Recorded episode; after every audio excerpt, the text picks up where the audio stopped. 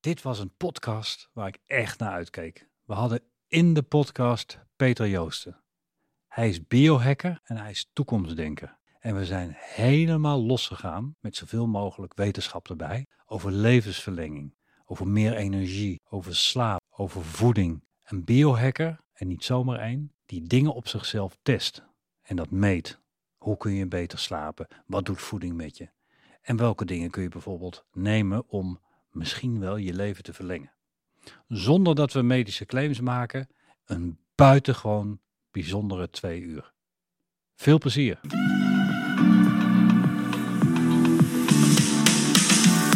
Ontmoet bijzondere mensen. Leer nieuwe dingen. En update je mening. Dit is de podcast van New Life University. Update je mening met Anatol. Kijk naar de podcast op ons YouTube-kanaal New Life University en abonneer je. Hey Peter, Hey Anatol. ik heb een vraag aan je. Drink je wel eens koffie? Ik drink wel eens koffie, ja. Is koffie gezond voor jouw DNA? Ehm, nou, volgens mij DNA ehm, eh, heb ik een redelijk snelle, eh, ver- eh, verbrand ik cafeïne redelijk snel. Ehm, dus dat betekent dat het eigenlijk wel gezond is. Ehm, maar ik heb, heb wel gemerkt als ik echt te laat op de avond eh, koffie drink, dan heeft dat een negatieve invloed op mijn slaapkwaliteit. Eh, maar in principe is koffie wel goed voor mijn DNA. Ja, want je kunt dat tegenwoordig testen. Jij bent eh, biohacker. Klopt. Ehm een van mijn favoriete onderwerpen. Ehm, ik heb daar ontzettend veel eh, over gelezen, eh, veel mee gedaan. Ik heb hier wat apparaatjes. Dus voordat we het weten zijn we, als we geen tijdrestrictie zouden hebben, dagen bezig. Want het, is- het is zo interessant. Dus ik vind het eh, heel erg leuk dat je er bent. Dus dank voor je tijd. Ja, graag gedaan. We hebben elkaar ontmoet bij een, bij een, een klant. Ja. En toen dacht ik, dat is interessant. Ja. Dat is interessant. Zou jij jezelf willen introduceren? Ja, ik ben eh, Peter Joosten. Ik ben inderdaad eh, biohacker en eh, toekomstdenker. Ik ben auteur van een boek over biohacking. En ik ben ook als gastdocent bij een aantal instellingen verbonden. En ik realiseer me dat niet altijd, maar eigenlijk is het een, dat ik dit doe, is een uit de hand gelopen hobby. Ik had echt nooit gedacht vroeger dat ik, ja, toen bestond het begrip ook nog überhaupt niet. Uh, maar het is echt gewoon bij toeval ontstaan. En uh, uh, ja, zoals ik zeg, soms realiseer ik me dat niet. Maar het is gewoon heel tof om uh, de hele dag met dingen bezig te zijn die ik gewoon zelf ontzettend fascinerend vind. En voordat je uitlegt wat dan biohacking is. Je hebt gestudeerd in Groningen. Ja. Bedrijfskunde. Ja. Dat is wat anders dan biohacken. Leg eens uit. Dat is wat anders dan. Maar ik, ik, moet erbij zeggen dat ik ook een uh, minor journalistiek erbij heb gedaan. Mm -hmm. en, dat, uh, en dat is wel weer een link. En ik, om ook nog iets meer context te geven, ik heb ook een master gedaan richting innovatiewetenschappen. Dus dat past ook wel iets beter. Um, maar ik ben een paar jaar geleden begonnen met een blog over in eerste instantie het meten van allerlei dingen van, van mijn leven. Want ik was, ben ook wel fanatiek met, met hardlopen en, en wielrennen. En toen dacht ik van, nou, ik wil eigenlijk wel dat soort apparaatjes testen. En uh, nou, van testen, ik dacht, dat is leuk om daarover te schrijven. Mhm. Mm -hmm. En daar is het eigenlijk een beetje ontstaan. En toen heb ik me verdiept in, uh, nou, waar we het over nog gaan, over gaan hebben, over uh, technologie, wetenschap, al die ontwikkelingen. Eigenlijk als een soort van autodidact. Dus het is meer begonnen vanuit journalistiek en toen bloggen en toen daar meer over weten en op een gegeven moment daarover praten. Maar inderdaad, als je denkt bij bedrijfskunde echt aan, aan, aan, aan getallen en dat soort dingen, nee, dat, dat, dat, dat, doe ik niet, nee. Duidelijk. Wat is biohacking?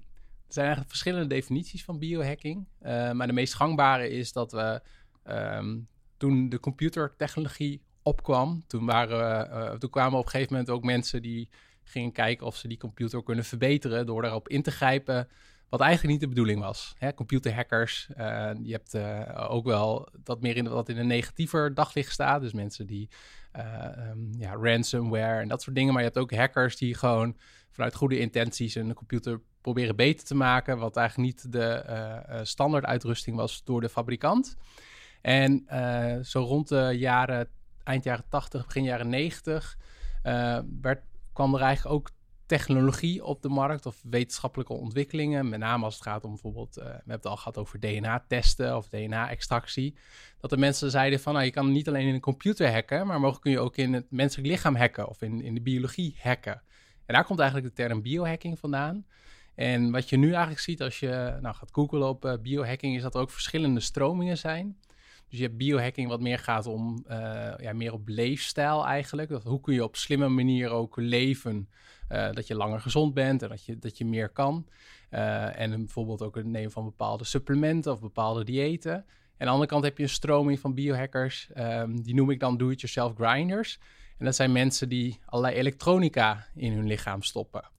En dan heb je eigenlijk nog een derde variant van biohacking. Uh, die vind ik zelf het meest fascinerend. Dat gaat over mensverbetering. Dus wat als we nou um, technologie gaan gebruiken of wetenschap gaan gebruiken, bijvoorbeeld zoals genetische modificatie. En dat gaan we toepassen op mensen, bijvoorbeeld. Wat, wat, wat, ontstaat er dan? Dus het is een hele brede term, maar het is dus ontstaan vanuit het idee van kunnen we niet de menselijke biologie hacken zoals we computers eigenlijk ook uh, hebben gehackt. En als ik jou dan goed begrijp, je hebt uh, hackers die foute dingen doen, uh, maar je hebt ook de ethische hackers waar je het net over had. Ja. En uh, jouw insteek is, hoe kunnen we het beste uit de mens halen? Hoe kan ik het beste uit mezelf halen? Ja. En uh, hoe kunnen we misschien kleine onhandigheidjes heidjes misschien wegpoetsen? Ja, ja, dat is eigenlijk wel een goede samenvatting. Ja. Oké. Okay. Ja. Want ik ben wel benieuwd, wanneer kwam jij voor het eerst in aanraking met die term? Oeh, uh, biohacking ken ik pas een paar jaar. Maar toen ik begin twintig was, uh, ik heb op de TU Delft gezeten. Uh, iets te veel gefeest, dus niet afgemaakt. toen, toen heb ik al heel snel een linkje gelegd met mijn oude liefde van vroeger. Dat was het willen worden van chirurg.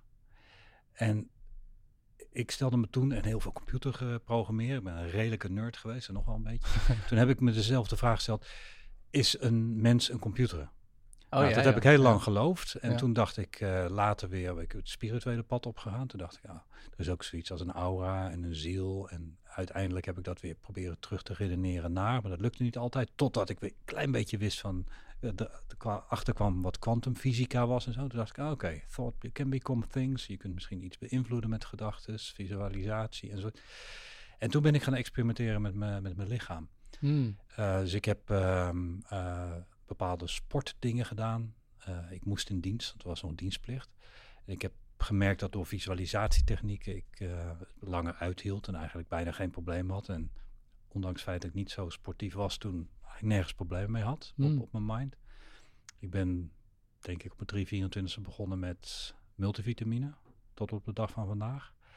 En uh, een beetje de Delftenaren, daar kunnen we misschien straks een beetje over babbelen. Ik ben apparaatjes gaan testen um, om te kijken of ik gezonder kan worden, of ik meer energie kon krijgen, enzovoort, enzovoort, enzovoort. Ja. Ik wist niet dat het biohacking heette. Nee. maar dat is iets van de laatste paar jaar. Maar ik Ja. heb op me, mezelf dingen getest. En de belangrijkste reden, naast het feit dat ik wilde weten of het werkte, was... ik geef al heel lang trainingen. En die gaan over persoonlijke ontwikkeling. En daar, ik vind dat daar voeding bij hoort en nog een aantal andere zaken bij hoort. Maar voordat ik iemand iets kan aanraden, uh, bijvoorbeeld een multivitamine, ben ik het op mijn lichaam gaan testen. Want ik kon, als ik ging zoeken op, het, op in de boeken toen ter tijd, en, en, en nu nog steeds op het internet, als je gaat zoeken, kon ik er niet zo goed achter komen wat nou wel en niet waar is.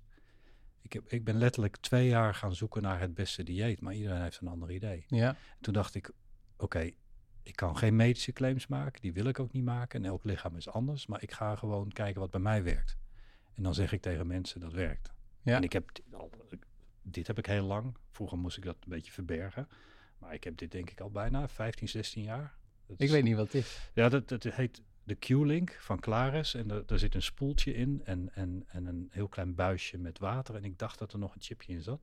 En dat schijnt iets te doen met je bio-energetische veld. Oké, okay, ja. Voor mij betekent het dat als ik een paar dagen afdoe, dat ik me niet helemaal lekker voel. En men zegt dat dit dan goed voor concentratie is. Ja. Ik, ik weet het niet. Ik, ik geef het de benefit of the doubt. Ja. En ik heb een enorme concentratie, enorm uithoudingsvermogen. En misschien ligt het wel hieraan.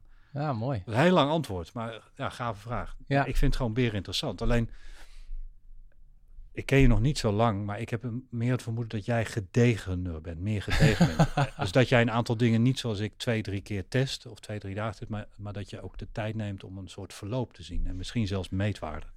Ja, ja, ja, zeker. Maar ik vind het leuk om nog voordat ik die vraag beantwoord, uh, nog iets, uh, iets anders schoon bij te binnen. Want je zei van uh, dat je tijdens je studie zeg maar het menselijk lichaam met een computer vergeleek. en ik ben nu toevallig, of niet toevallig, ik ga dan binnenkort een lezing geven. En um, toen dacht ik van het is ook leuk om biohacking wat meer in een, in een histori historische context te zien.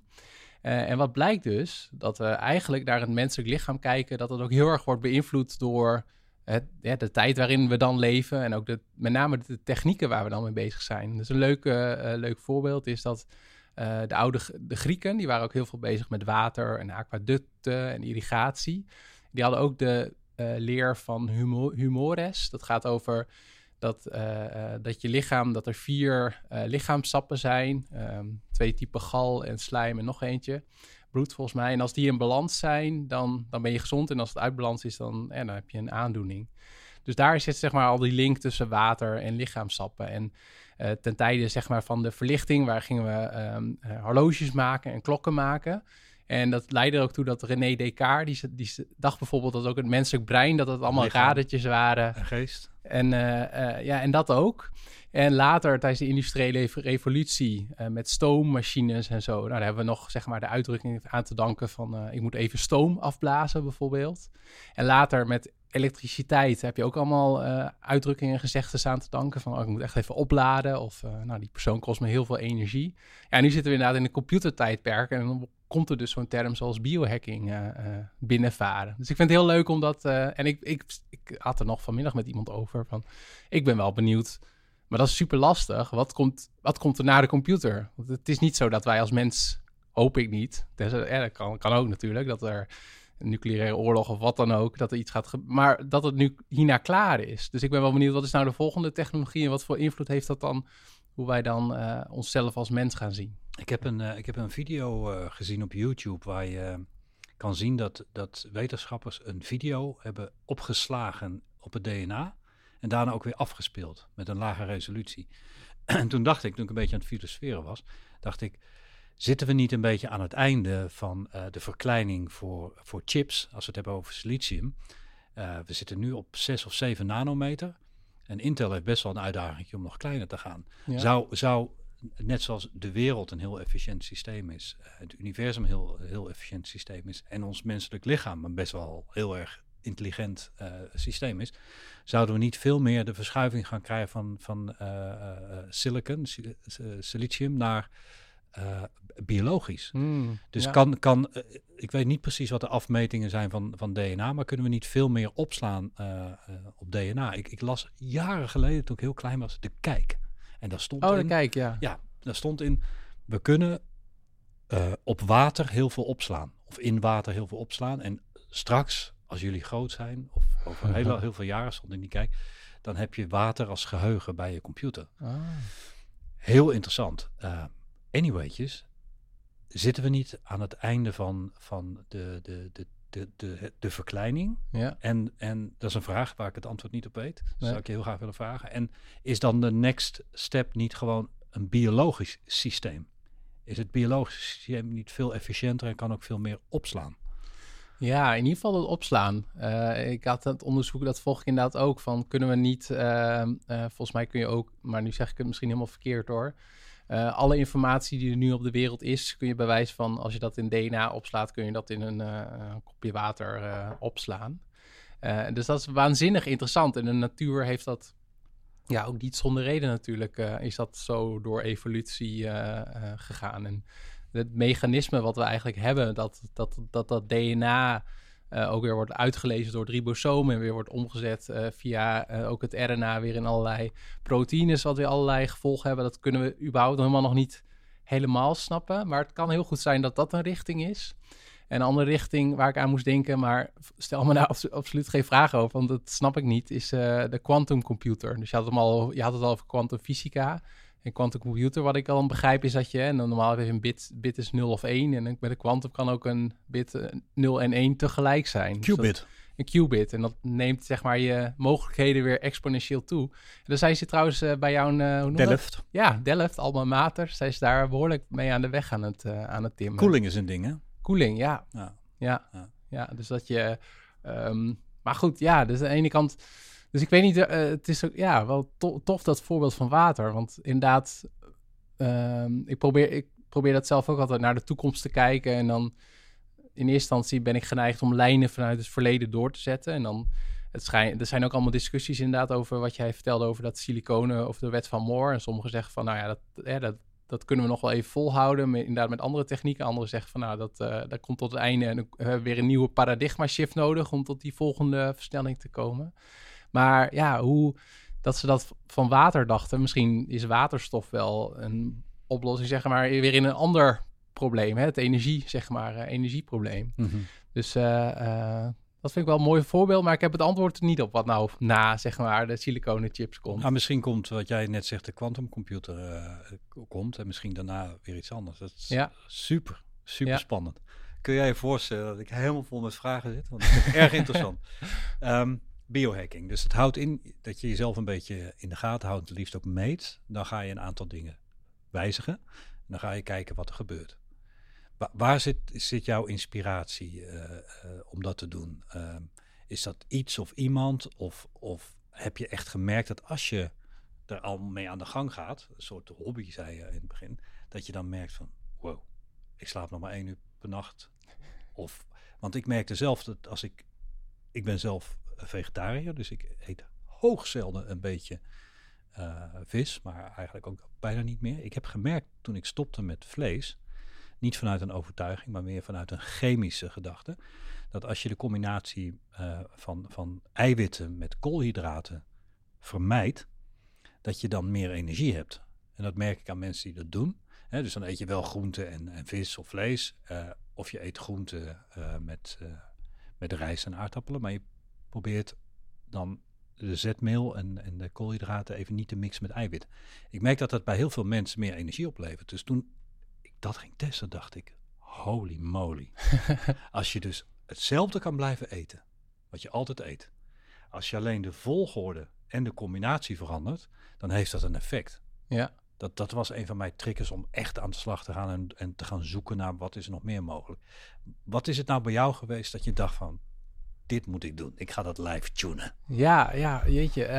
Um, ik denk dat zeg maar die um, uh, vroeger, vroeger toen ik nog een kleine jongen was, was ik ook altijd wel veel bezig met, met dingen opschrijven en bijhouden. En ik zeg, ik zeg wel eens van de, de meest basale vorm van, van biohacking is ook gewoon het bijhouden van een, uh, van een dagboek, dagboek. eigenlijk. Ja. En dan dat je, ja, dat je evalueert en reflecteert en daar beter van wordt. Uh, maar goed, we hebben nu steeds betere tools om, om inderdaad je vooruitgang of je, ja, om gewoon je, je staat, zeg maar, te meten. Wil je eens een voorbeeld geven? Een heel praktisch voorbeeld van wat je kan meten? Oké, okay, we hebben horloges met hartslagmeters. Ja. Ik, ik, neem aan dat je dat ook hebt, maar je gaat natuurlijk daar ook verder in. Kun je eens één ding uitlichten dat je de afgelopen weken, maanden of jaren hebt gevolgd? Ja, nou wat ik interessant vind is het eigenlijk het apparaatje wat jij daar hebt liggen. Dat is een M-Wave en die meet hartritmevariabiliteit. En uh, dat kun je dus, uh, dat zit volgens mij tegenwoordig ook al, maar dan wordt het anders genoemd in, uh, in nieuwe smartwatches. Wat, heel, wat ik heel fascinerend vind, is dat het een indicator is voor je, voor je stressniveau. Ik kan hem misschien laten zien. dit is iets wat ik al heel vroeg per ongeluk heb gevonden. dus je weet het, een goede demo doet het niet. Ja. Um, dus Robin gaat straks schakelen. Dan kun jij verder praten, want ik weet er te weinig van. Ik weet Ah, alleen dat, ja. dat het... Maar het is Kun je een, het uitleggen alsjeblieft? ja, hartritmevariabiliteit. Dat is eigenlijk een eh, indicator voor het stressniveau wat je hebt.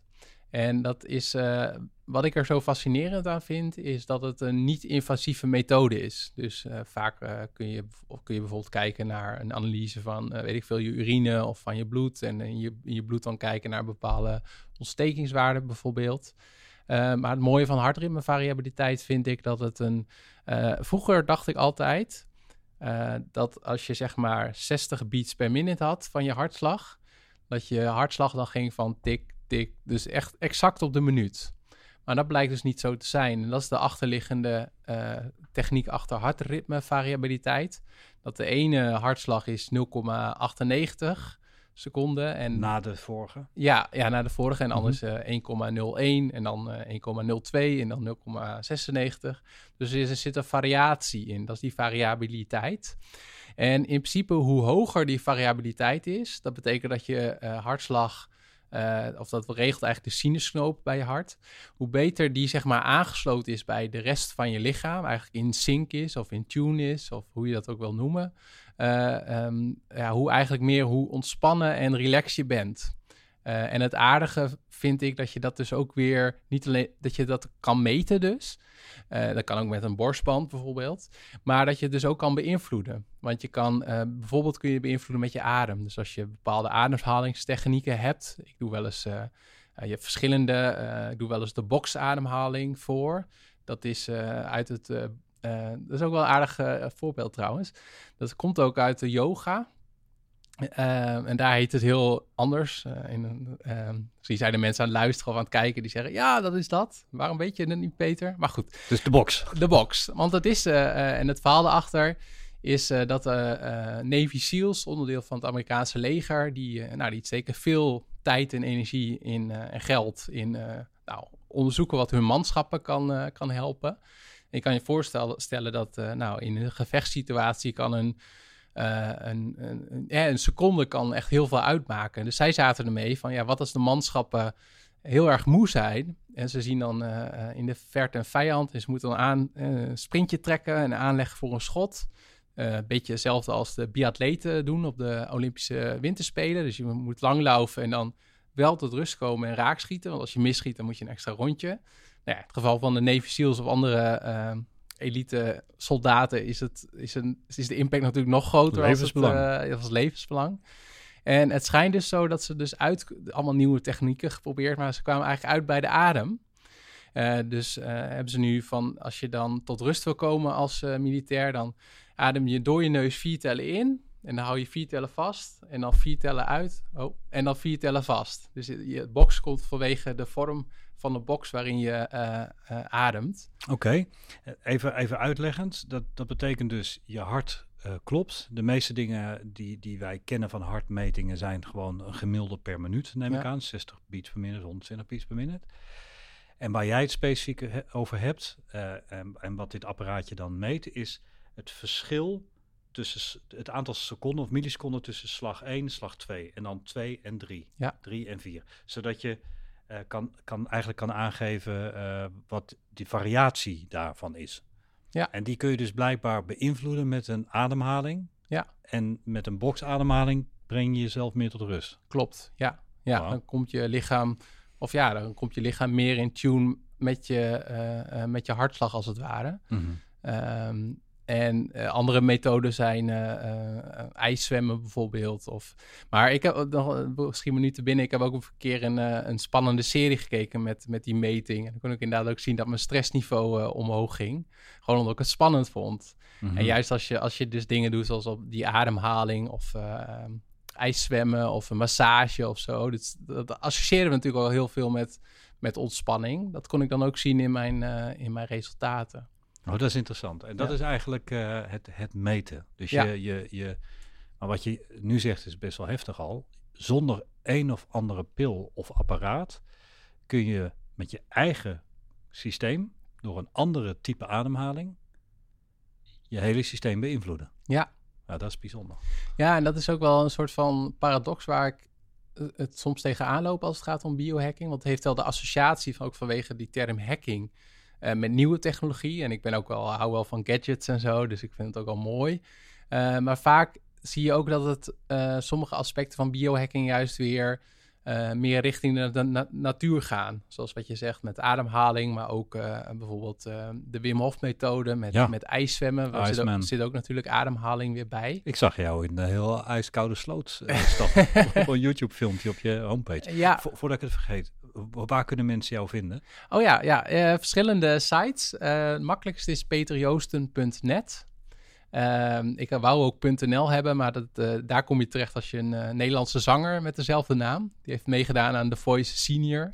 Dus soms word ik ingehuurd door bedrijven en dan zeg ik ook van .net, want... Nou ja, als je naar .nl gaat, dan krijg je een zanger. Nou, dat kan ook als je daar naar op zoek bent voor je evenement. Maar nou, .net. peterjoosten.net ja, precies. En uh, ik heb ook een podcast, biohackingimpact.nl. En mijn boek is uh, biohackingboek.nl. En, maar met, op ptjus.net dan kun je wel de, ook de social media en zo, zo vinden. Thanks. Ik vraag dat nu al, omdat ik weet dat nu al mensen meer willen weten. Dat, dat, ja. um, dus met ademhaling kun je bijvoorbeeld al je, je, je hartslag regelen. En, en, kun je iets meer vertellen over die variabiliteit? Ro- rotwoord. Ja. De variabele hartslag. Eh, de, de Apple Watches meten ze eh, al lang stiekem. Ja, En, en nu eh, hebben ze twee appjes waar ze iets meer eigenlijk over hebben verteld dat ze dat ook meten. Ah, Volgens ja. mij zijn ze al een beetje aan het meten geweest voordat, voordat we dat wisten. Ja. Wat is dat ehm, en wa- wat kun je er nog meer mee met die variabiliteit? Nou, waar, waar ik het voor gebruik is eh, ehm, ehm, met name dat wat je eigenlijk wil is dus dat die variabiliteit zo hoog mogelijk is. Dus dat betekent eigenlijk dat je lichaam helemaal in tune is en in sync is eigenlijk met, met, met signalen die het van de buitenwereld krijgt. En op het moment dat jij meer in de, in de stress eh, komt of richting stress gaat, dan gaat dat systeem gaat zeg maar ook naar een soort van standaard eh, eh, ritme toe.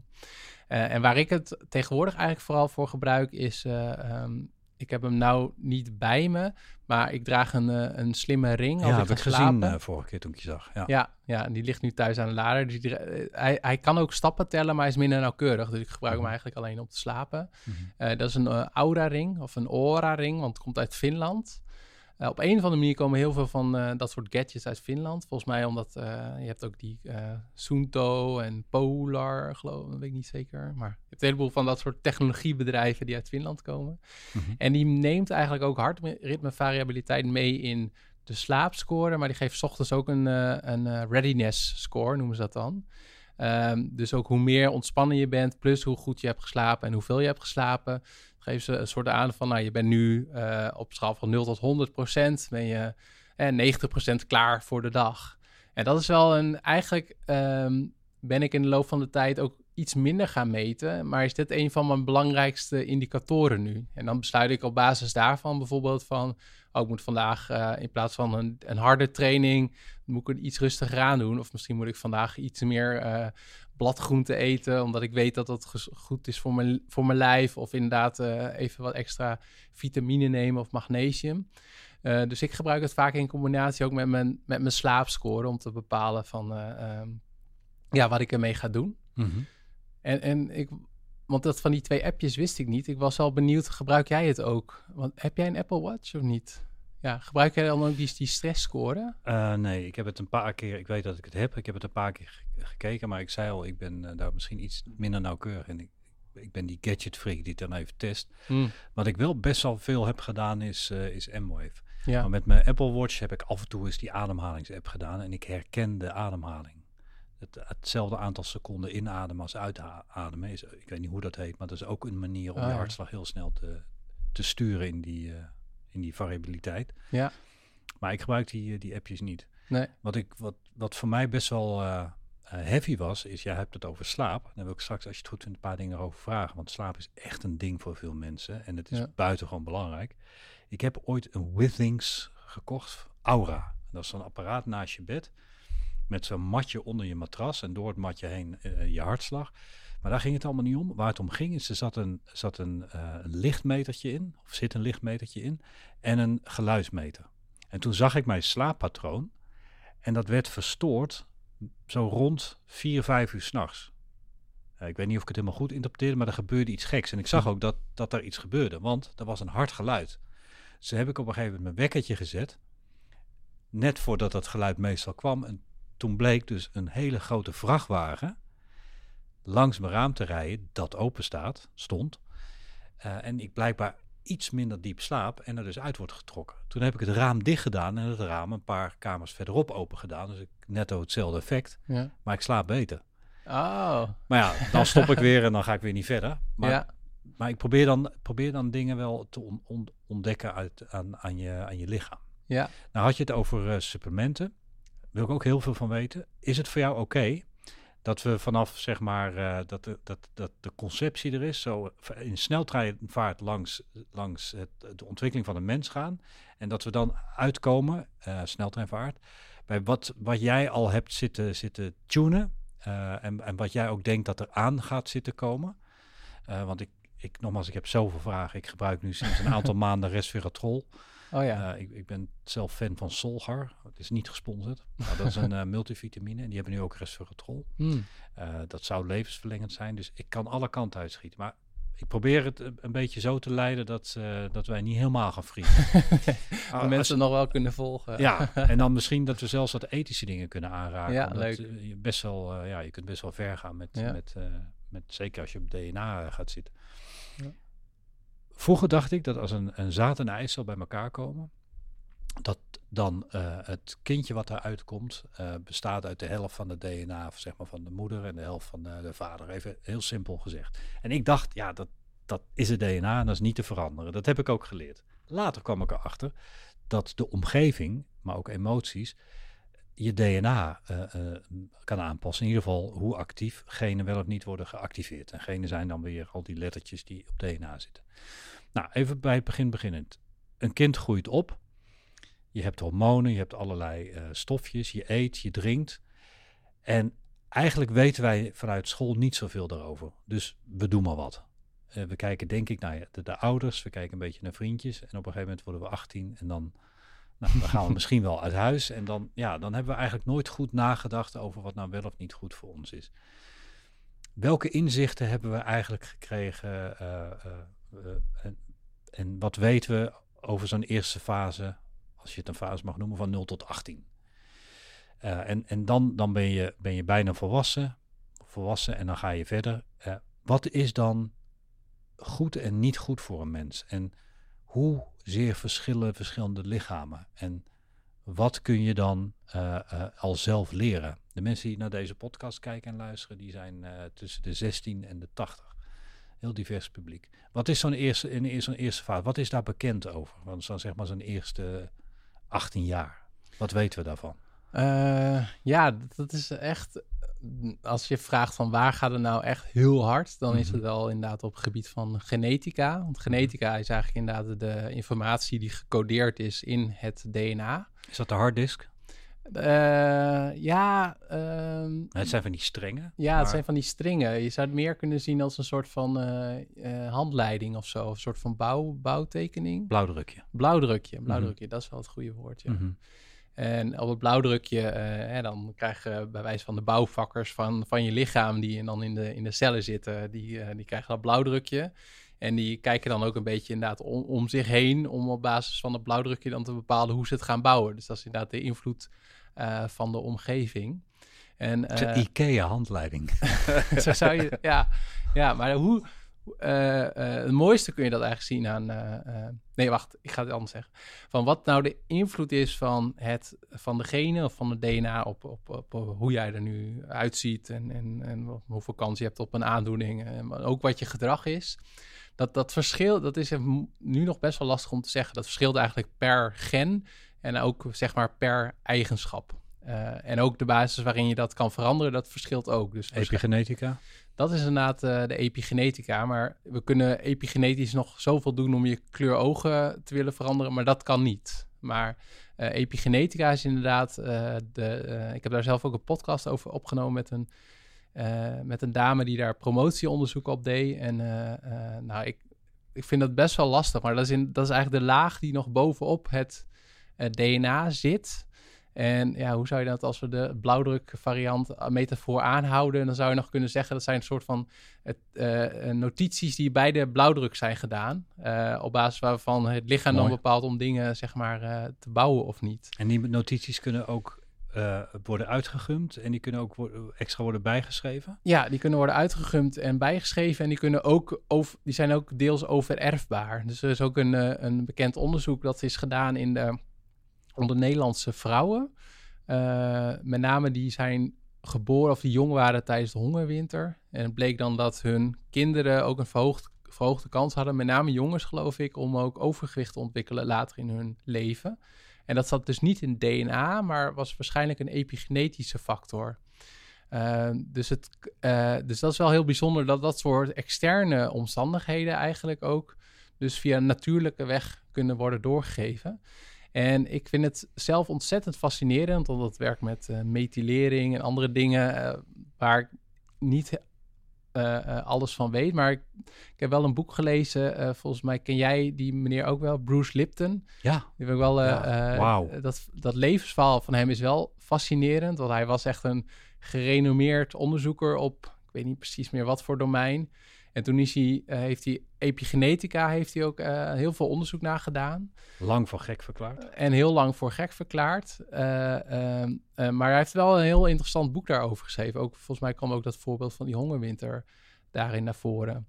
Maar ik vind het zelf, ik, wat ik tegenwoordig wel zie, is dat het epigenetica wordt soms ook wel door eh, eh, bepaald leefstijladvies gebruikt. En daarvan, ja, daarvan twijfel ik of dat nou echt klopt. Dus ik, ik ben het er wel mee eens van, je hebt wel epigenetische factoren, zoals inderdaad eh, ehm, eh, heel simpel eh, eh, ehm, ja, wat, wat je eet en wat voor su sup- suppletie je neemt.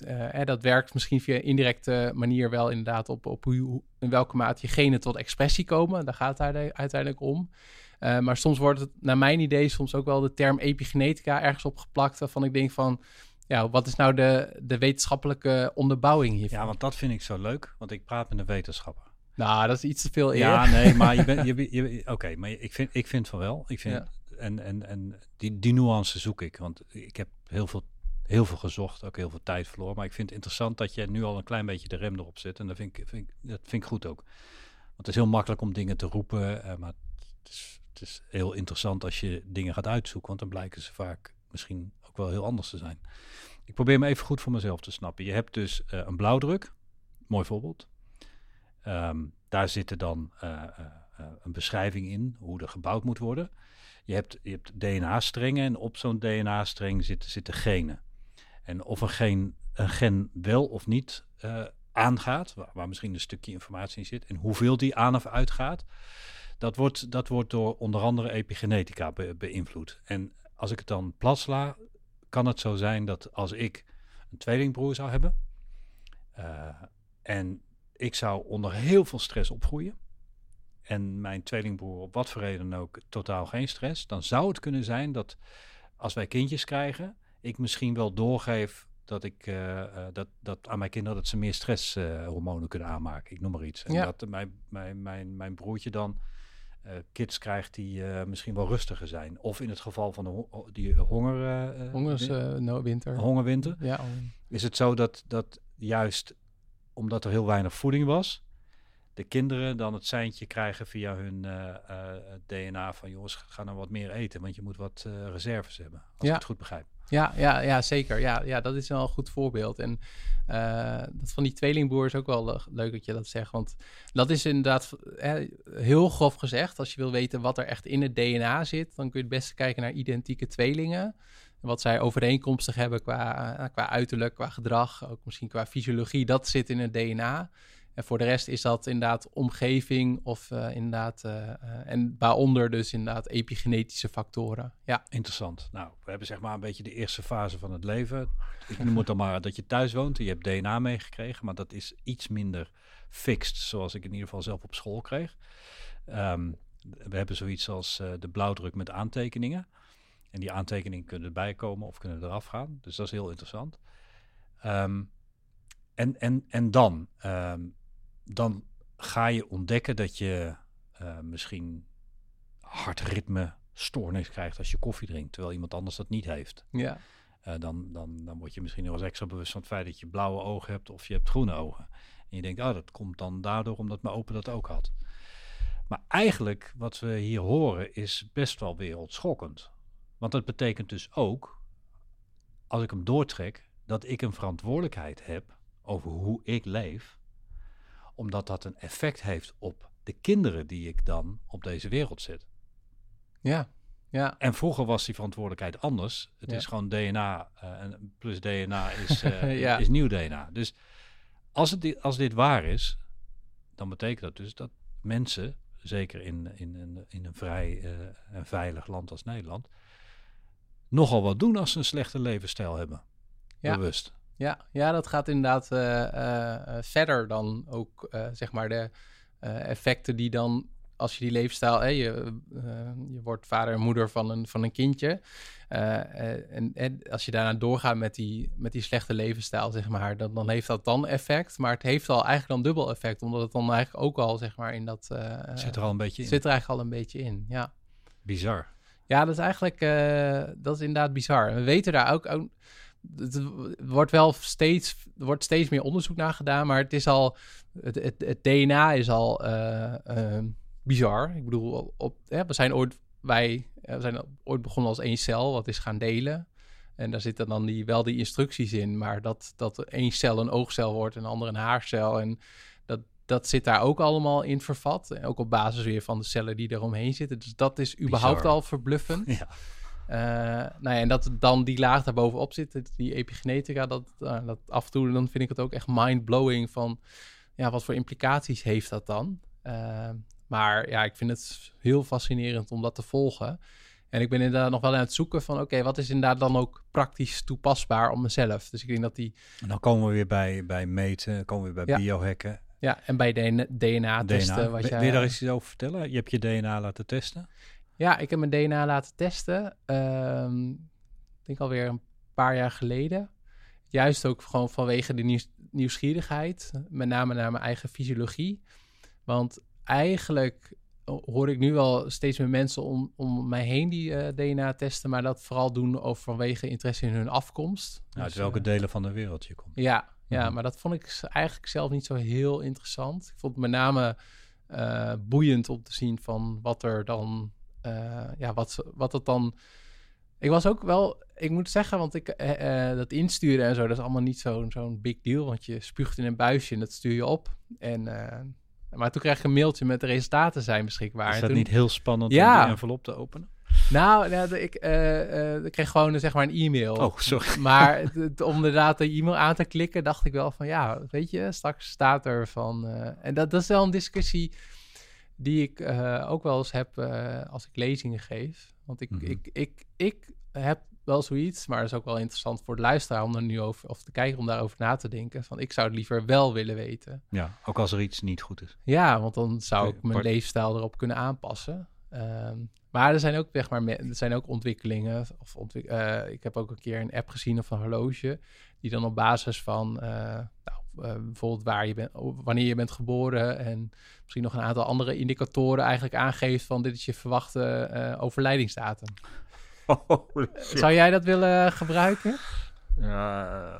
Dat ehm, nou, al- als ik word gedwongen, dan heb ik wel ergens een idee van, nou, eh, we kunnen best wel veel beïnvloeden. Dus I'm gonna beat, Ja, de klok. beat it, I'm gonna beat the clock. Maar hier, hier ging ik even vanuit mijn evenwicht. Die, die, die, die ken ik nog niet.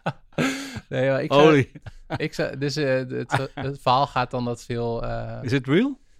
ondernemers in Silicon of een aantal ondernemers in Silicon Valley dit gebruiken om zeg maar nog productiever te zijn. Hè? Als je dan wakker wordt en denkt van shit, ik heb nog, nou ik weet, ik vind het heel moeilijk om in orde van groot, maar 10.000 dagen of zo. Dat, dat, eh, Holy shit. dat is je het accuraat of is het gewoon... Nou, eh, ik, nou ik, weet volgens mij, ik weet nog niet of het al, al getest is door mensen die, die inderdaad eh, dat gingen kopen en Mhm. dat dan getest is in welke mate de datum zeg maar een beetje in overeenstemming was.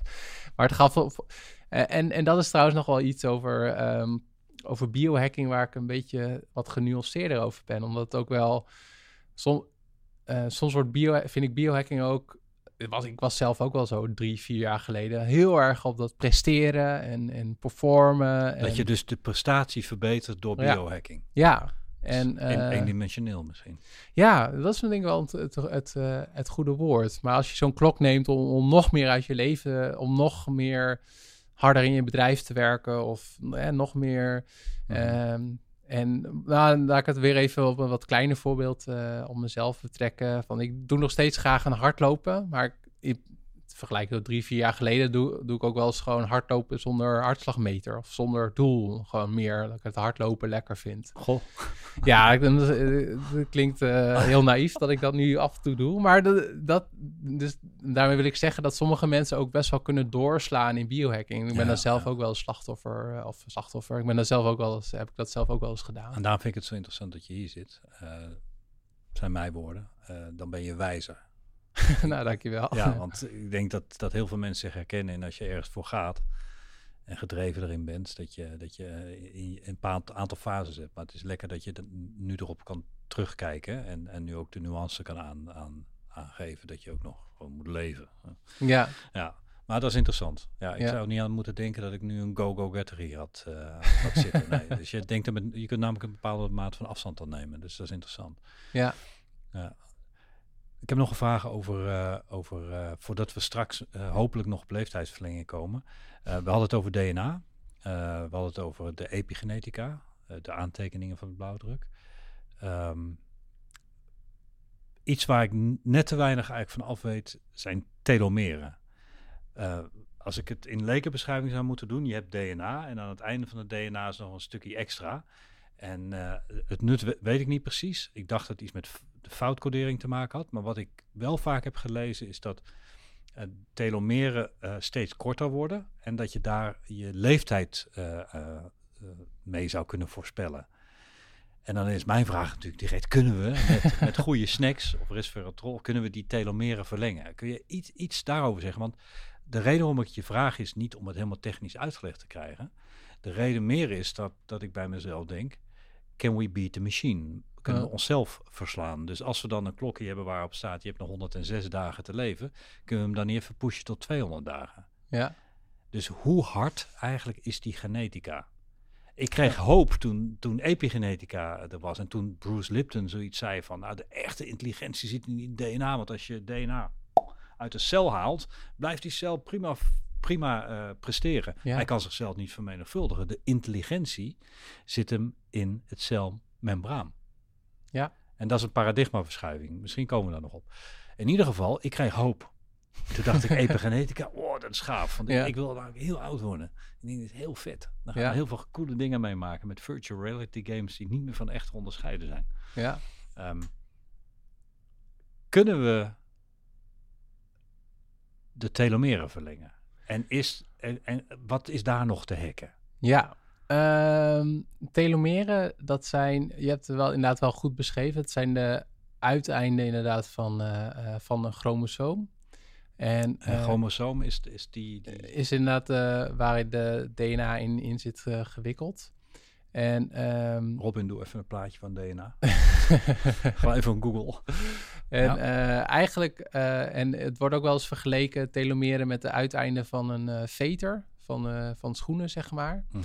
Eh, want elke keer als een, een cel deelt, gaat het bovenste stukje ervan af, de, de telomeren. Dus die telomeren, het wordt steeds korter.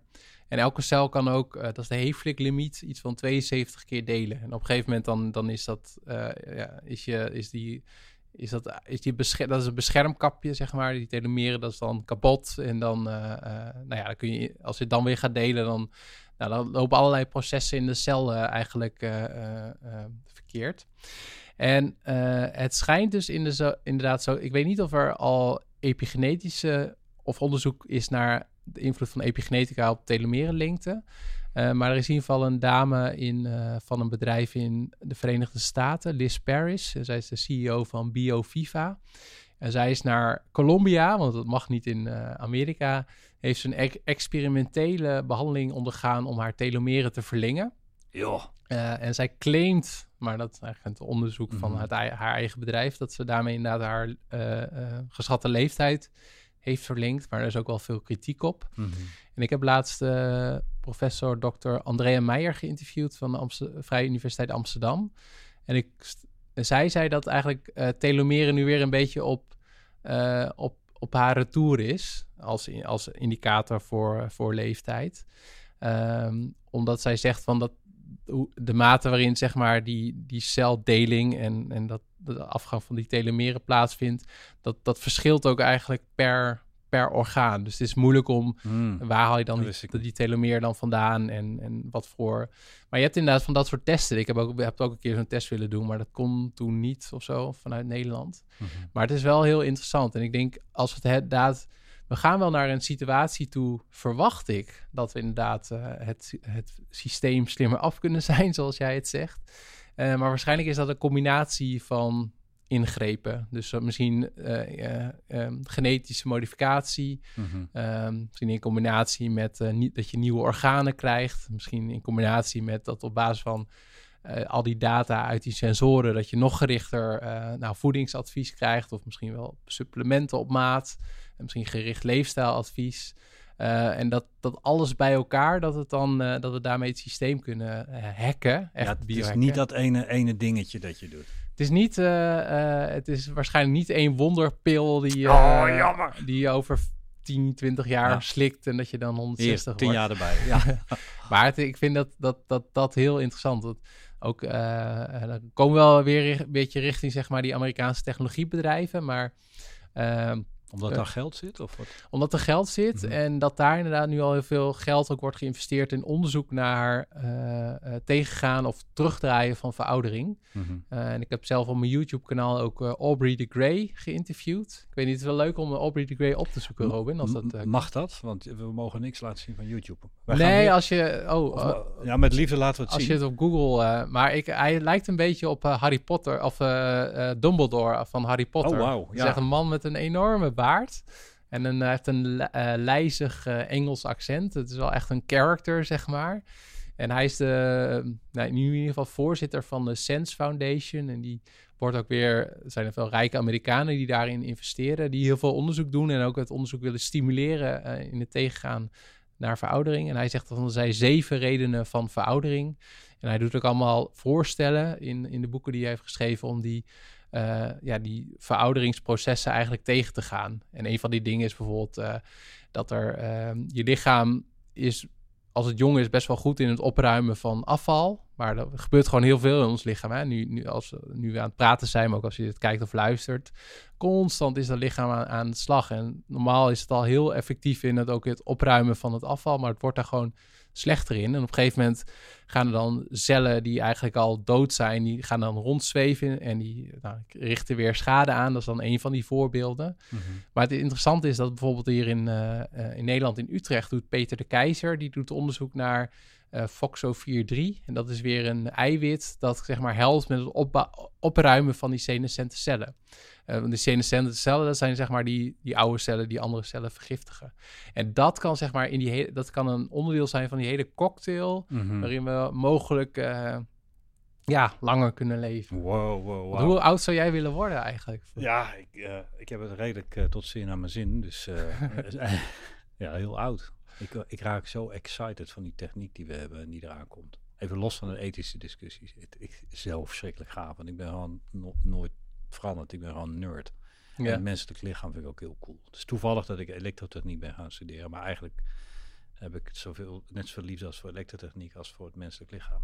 Ja. En dat is een hele gave tijd nu. Dus ik wil, ik wil heel oud worden. Ja, maar wat wel interessant is, is eh, dat, eh, dat die Aubrey de Grey, die zegt of, eh, dat zo rond 2030 of 2035 dan bereiken we longevity escape velocity. En dat betekent dat we door die vorderingen in wetenschap en technologie Holy, gaat snel. zeg maar sneller dan Mhm. eh, je per dag of per maand, dat je ouder wordt. Dus als je dan, Mhm. voor de mensen die nu kijken of luisteren, als je nog elf jaar of iets langer leeft, nog even volhouden, dan eh, kun je waarschijnlijk radicaal veel ouder worden. En eh, ja, ik, het, ik, moeilijk om daar wat over te zeggen, maar bij wijze van nu worden we eh 80, 90, 100 en Mhm. nou, dan worden we denk ik 160, 180. Maar die Aubrey de die zegt, Oh, 160, 180. maar die ja. Aubrey de die zegt van, eh, dat is een bekende uitspraak van hem, de, de, de eerste mens die duizend jaar wordt, die is nu al geboren. En ik vind dat dan echt Wauw. mind-boggling van, oké, wat betekent dat ook voor eh, carrières of voor pe- pensioenstelsel of relaties ook, hè? Of, eh, Hoe lang zijn jullie bij elkaar? Ja. nou ja, 912 jaar. ja, precies. Even, even, even samen, samenvatten tot nu toe. Hè? Ja. Dus we hebben dan eh, eh, de, de geboorte, we hebben zo- zo'n beetje zo de eerste jaren. En het is niet meer zo zoals het vroeger was. That's it, niks aan te veranderen, zo is het. Gewoon DNA van pa en ma bij elkaar gepropt en that's it.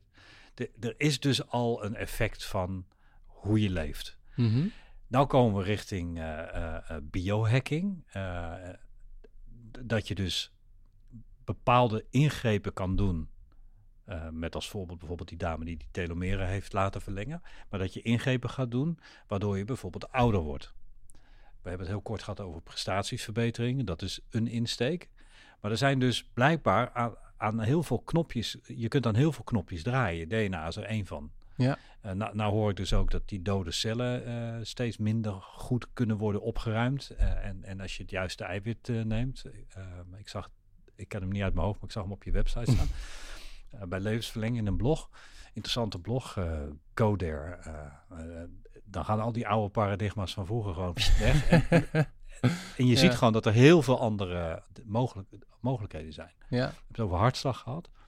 Kun jij nog een paar ehm, hele concrete tips geven waar je bij jezelf achter bent gekomen? Van hé, hey, als ik dat doe, dan werkt het voor mijn lichaam. En ik heb ook gehoord dat het bij anderen zou kunnen helpen. Waarbij we uiteraard geen medische claims maken, maar een beetje aan het filosoferen zijn over wat er mogelijk is. We Ja. hebben iets over ademhaling verteld. Zijn er nog meer hacks die je op jezelf hebt losgelaten? Nou, eh, we hebben het al een paar keer over slaap gehad. En ik vind slaap Oh wel ja. een hele belangrijke, eh, of is nu een beetje de belangrijkste, eh, hoe zeg je dat? Eh, maatstaf in mijn leven als het gaat om, om fysieke prestaties. Dus ik, eh, ik probeer in ieder geval eh, ja, zo goed mogelijk te slapen. En- 7 à 8 uur is het, hè? ja, ja Mhm. en ik eh, en, en- de, eh, er is trouwens ook een heel goed boek over geschreven. Die, die ga ik nog lezen. Eh, dat is van Matthew Walker, Why We Sleep. Dat schijnt echt wel eh, eh, ook u. een hele goede score te hebben, ook op allerlei review sites. Ehm, en want heel veel, in ieder geval, volgens mij is het nu al aan het kantelen, maar tot een paar jaar, paar jaar geleden hoorde ik heel veel om me heen van oh, slaap is niet belangrijk en ik slaap zes uur per dag ook een soort van eh, badge of honor. Ja, ik heb niet geen goede Nederlandse vertaling. Mhm. van, ik heb eh, weinig slaap nodig. En, heel stoer man, 4 uur, daar ben ik er helemaal klaar voor. ja, en Trump eh, die schijnt, dat, ja, schijnt ook heel, heel trots te pochen dat hij inderdaad vier uur per nacht slaapt. Nou, Ik hoorde laatst iemand zeggen Adderall. oh ja? Oh, ja. I don't know. Ja. Ik hoorde het. Ja, oké. Nou ja, dat kan ook een en ander verklaren misschien. Maar eh, dat, dat slaap is inderdaad heel belangrijk. Een aantal van dingen die ik doe is eh, qua suppletie bijvoorbeeld s'avonds magnesium. slik magnesium. En ik heb ook iets, en dan kan ik eigenlijk, is dat zeg maar, mijn, de wetenschapper in mij die, die vindt het moeilijk om te accepteren, want ik kan het moeilijk verklaren. Maar ik heb een soort van eh, magneetje of een soort van een magnetische puls. Die doe ik op mijn, eh, het schijnt, ik ben even de naam vergeten, maar een beetje tussen mijn schouder en mijn, eh, ehm, hoe heet dit ding? Het is een botje hier. Nou, hier een beetje. bij- Sleutelbeen. sleutelbeen, ja. Mhm. Hier bij mijn borst, dan doe ik dat apparaatje op. En dat heet een Somni Resonance SR1. En die doet we een, hebben die doet een ja, magnetische puls met een bepaalde frequentie. toch niet toevallig de Schumann-frequentie? Niet de Schumann-frequentie, maar eh, de frequentie die eh, overeenkomt met de delta hersengolven. Dus je kan ook je hersengolven meten. En als je vaak in een diepe slaap komt, dan, dan gaat je hersengolven, die gaan ook wat langzamer en die komen dan ook in een delta hersengolven range. Eh, dus de theorie is, eh, en het werkt voor mij, maar het is altijd, ja, lastig is dat nou placebo of niet. Eh, maar dat ik daarmee ook echt beter slaap. En af, af en toe doe ik ook oordopjes in. En dan heb je ook binaural beats. Nou ja, als je toch aan een nerden bent. Binaural beats is eh, dat, eh, dat je hoort een eh, geluid. En dat is vaak een beetje ambient. Een beetje regen of zo. Of een beetje vaag. eh, Je achtergrondgeluiden. een beetje achtergrondgeluiden inderdaad. Geen, geen Tiesto of weet ik veel, Armin van Buren, maar achtergrondgeluiden. En dan, het vers- dan zit er een frequentieverschil tussen je ene oor en je andere oor. En dat frequentieverschil komt weer overeen met bijvoorbeeld delta-golven. Oké. Ik probeer hem uit te leggen. Er komt een toon in je ene oor, als ik het simpel doe. Die, die toon is eh, eh, 500 hertz, dat is een lage toon. In je andere oor stop je 506 hertz. Het verschil tussen die twee tonen is 6 hertz. En dat is een, eh, een vrij lage golf, waardoor je brein op die golf mee gaat vibreren, zoiets. Ja, dat Kijk, ik is... zal het aantal hersen verkeerd hebben, maar het, het zijn dus de, de optel, de aftreksom is het aantal. Ja. En dat hoor je bijna niet, maar je, je brein wel. Ja, ja.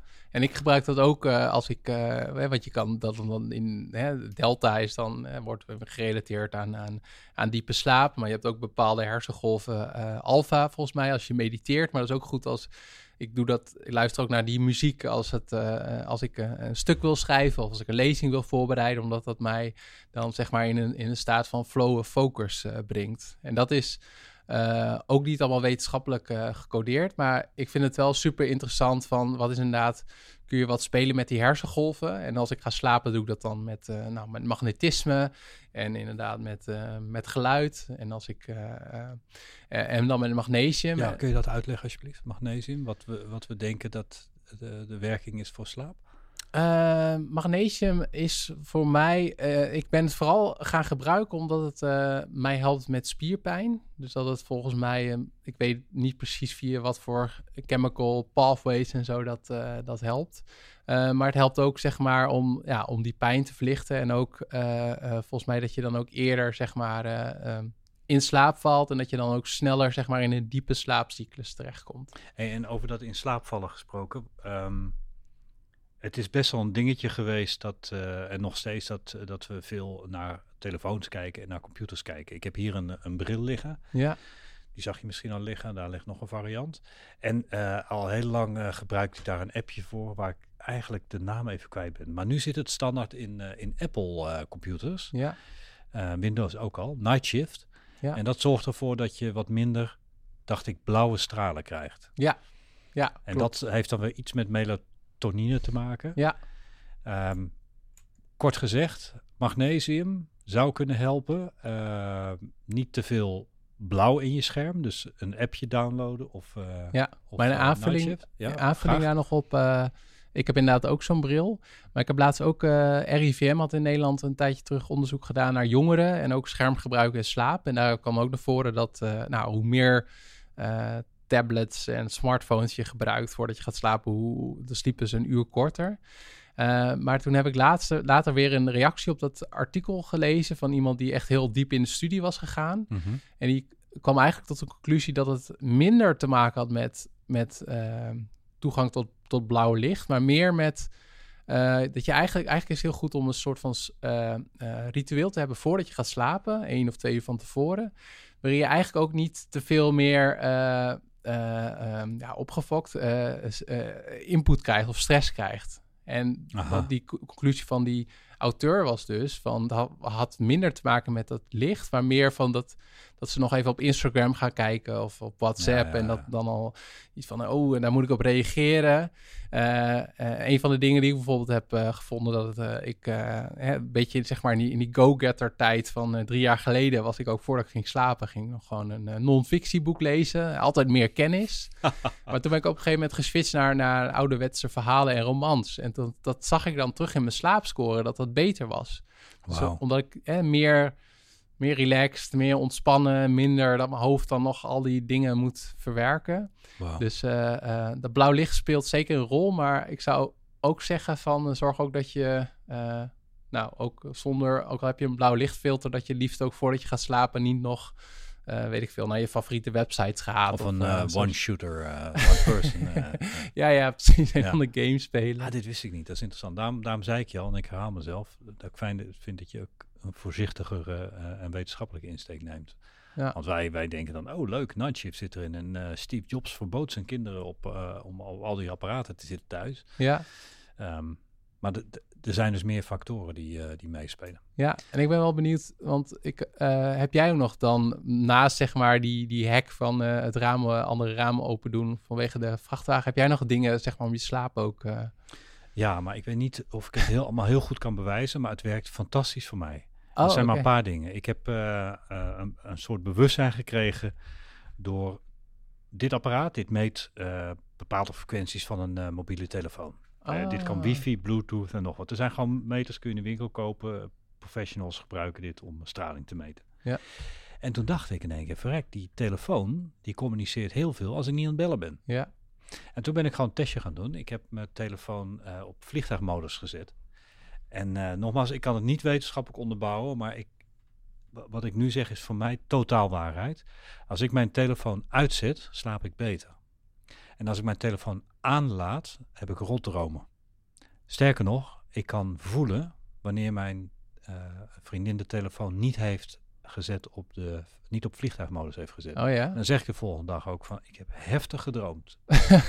en, en 9 van de 10 gevallen staat hij dan. Uh, wow. dus wat ik doe, um, um, is mijn telefoon uitzetten. En als ik echt bereikbaar moet zijn, leg ik hem een paar meter van mijn hoofd. Ik slaap heel erg slecht als mijn laptop naast me staat. Hmm. Ik ben ook zo'n informatiejunk. Dus ik, als ik thuis ben uh, en, en, de dingen zijn geregeld, dan, dan ga ik enorme hoeveelheden informatie naar binnen uh, stoppen. en ook heel veel audioboeken en, enzovoort. Ik heb het zelfs met wifi. Dus als ik mijn wifi laat aanstaan en mijn laptop ligt naast me, dan heb ik gewoon een rotnacht. Ja. En dat heb ik nu al meer dan 5, 6, 7, 8, 9 jaar. Ik, ik had Pocketline Einstein al. Dus ik heb dat al misschien wel 15 jaar. Hoe lang hebben we die dingen gemeten? Ik weet het voor mezelf 100% zeker. Dus wat ik doe is geen router in de buurt. Vliegtuigmodus. En ik zet even mijn wifi uit op mijn laptop. Ja. En dat heeft mijn slaapkwaliteit enorm eh, eh, doen verbeteren. Ja. En ik heb gemerkt dat als ik heel laat eet, dat is vrij logisch, dat ik ook niet zo lekker slaap. Oh ja. En ik zit heel hard te denken wat ik nog meer doe. Dat had ik laatst trouwens ook, eh, van het laat eten. Toen, maar dan op een gegeven moment dacht oh shit, ik heb laat gegeten. Maar dat, dan denk ik ook al gelijk, of dan weet ik ook al gelijk dat het, eh dat hele simpele tip eigenlijk, van inderdaad, zorg dat je niet te laat eet, Ja. want dan, eh, ja. Nou, dat. En volgens mij is die straling weghalen voor mij het, het, het belangrijkste geweest. Ja, Enorme verbetering. En ja, die, die, die Aura Withings, dat, heb ik dan weer een paar dagen, een paar weken getest. En dan heb ik het, nu wil ik het niet meer omdat er eh, wifi-straling in zit. Dan heb ik Oh, alsnog wifi ja. naast mijn kop. Dat vond ik jammer als ik zo'n ding kan kopen zonder wifi. Dan ga ik weer langer meten. Ja. Maar dat heeft mijn, eh mijn eh, slaapleventje wel verbeterd. Ja. En wat nog meer? Ja, af en toe als het heel druk is geweest, dan mediteer ik een beetje. Hmm, ja. Ja, ik heb nog nooit me melatonинepillen geslikt. Ehm, ik heb, om eerlijk te zijn, ook die, die night shift uitstaan. Vind het niet echt super fijn. Zeker niet als je nog naar een eh, YouTube film kijkt. Dan is het Nee, heel geel. Dan denk je van, hè, dat is gek, ja. Ja, dus ik denk dat dat, eh dat, dat de dingen zijn. Maar eigenlijk, als, je, als ik zo naar je luister, is dat al een heel klein beetje biohacken.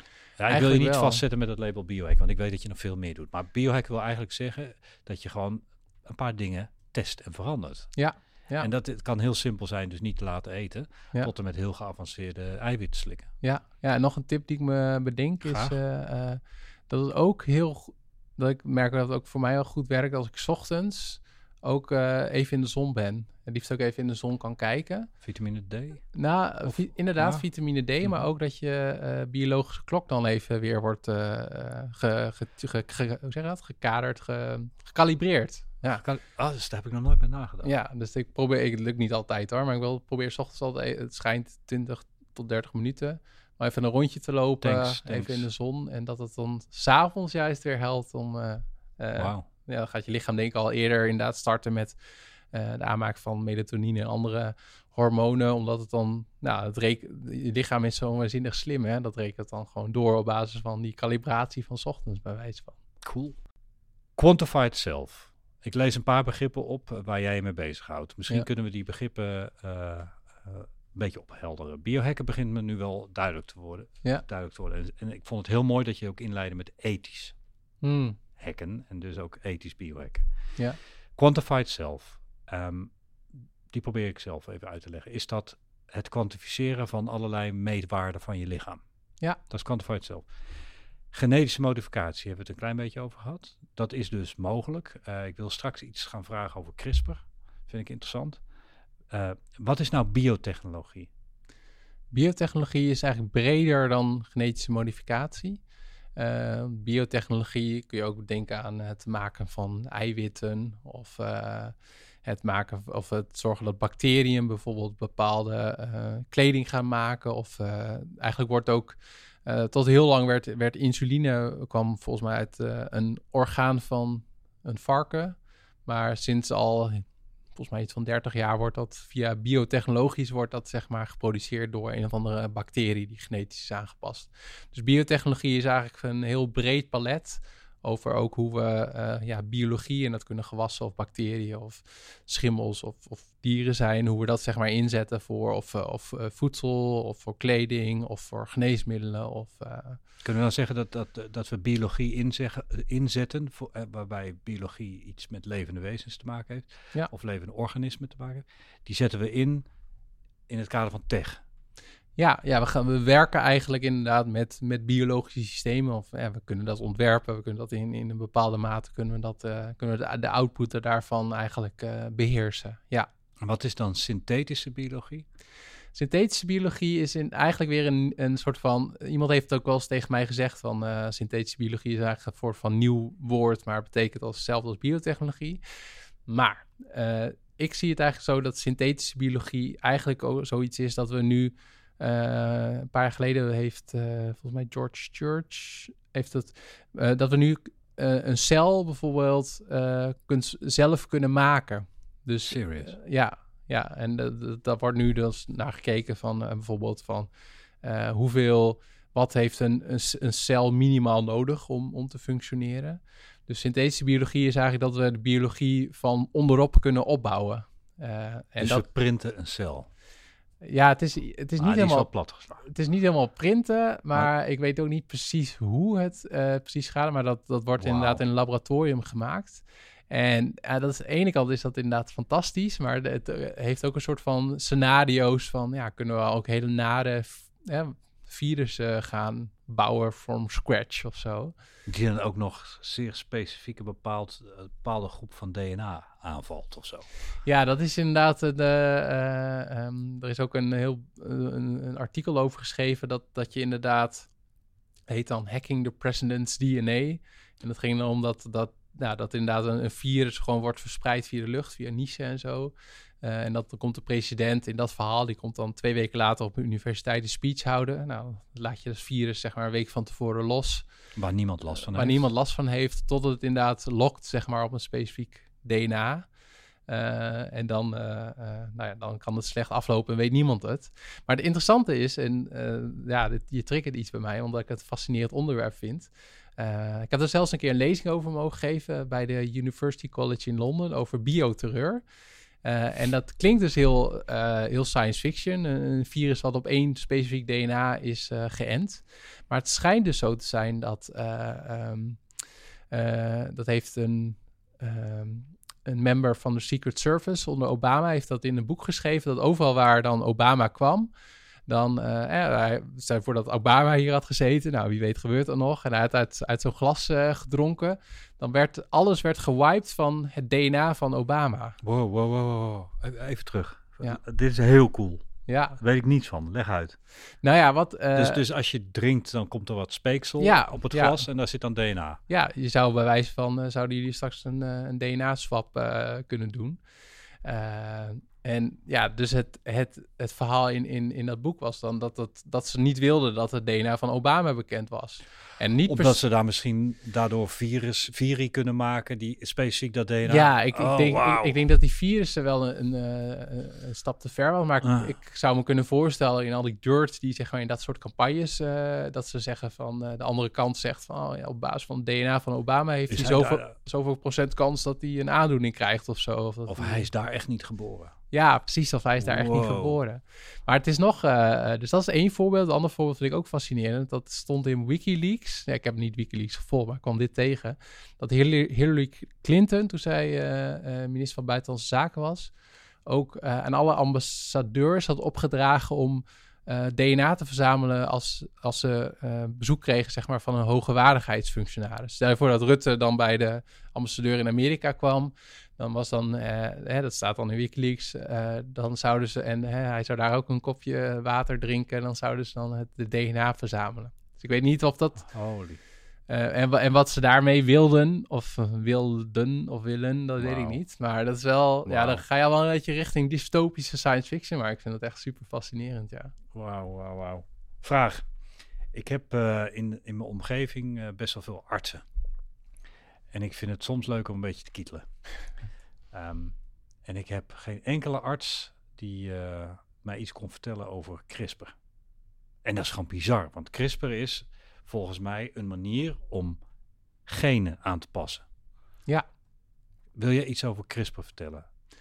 Ja, En, maar ook het nut. Want Ja. CRISPR gaat absoluut hip en happening worden in de komende 10, 15 jaar. Daar ben ik zelf van overtuigd. Ja, ja. Ja, CRISPR, eh CRISPR-Cas9. ehm, eigenlijk doen we, het, doen we als mensheid het aanpassen van DNA al heel lang. Ehm, denk aan het... eh, eh, ik geef binnenkort ook een lezing bij de Wageningen Universiteit. Nou, als je denkt aan, het veredelen van planten of het fokken van dieren, dat is eigenlijk ook een soort van DNA-aanpassing, maar het is heel erg grof en rudimentair.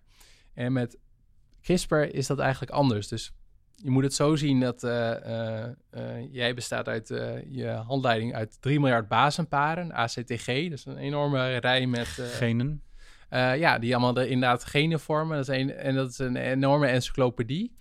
Eh, en nu met CRISPR-Cas9 zouden we zeg maar kunnen zeggen, het derde boek, eh, pagina 116, eh, vierde woord, vervangen we de, de voor het. Holy shit. Ja, dus er zitten wel, dus hè, je hebt een, jouw DNA is Nederlandse encyclopedie, we kunnen dan niet een Chinees woord erin zetten of een, of cijfer, dus het, is, eh, eh, het is nog niet helemaal perfect. Maar hoor ik je dan zeggen dat eh, als ik een. En dan kunnen we misschien doorschieten naar, naar een ethisch, ethische vraag die ik, die, die ik heb. Kunnen we dan bij mij zien dat ik een gen heb voor een bepaalde ziekte? Kunnen we dan met CRISPR dat gen veranderen, zodat ik die ziekte niet krijg? Ja, maar dat, ja, maar dat geldt wel eh, momenteel zeg maar voor eh, enkele gen, ah, dus uh, taaislijmziekte en cystic Omdat we misschien niet nog me- meer weten. Maar als dit zich doorontwikkelt, kunnen we dus met chirurgische precisie genen aanpassen.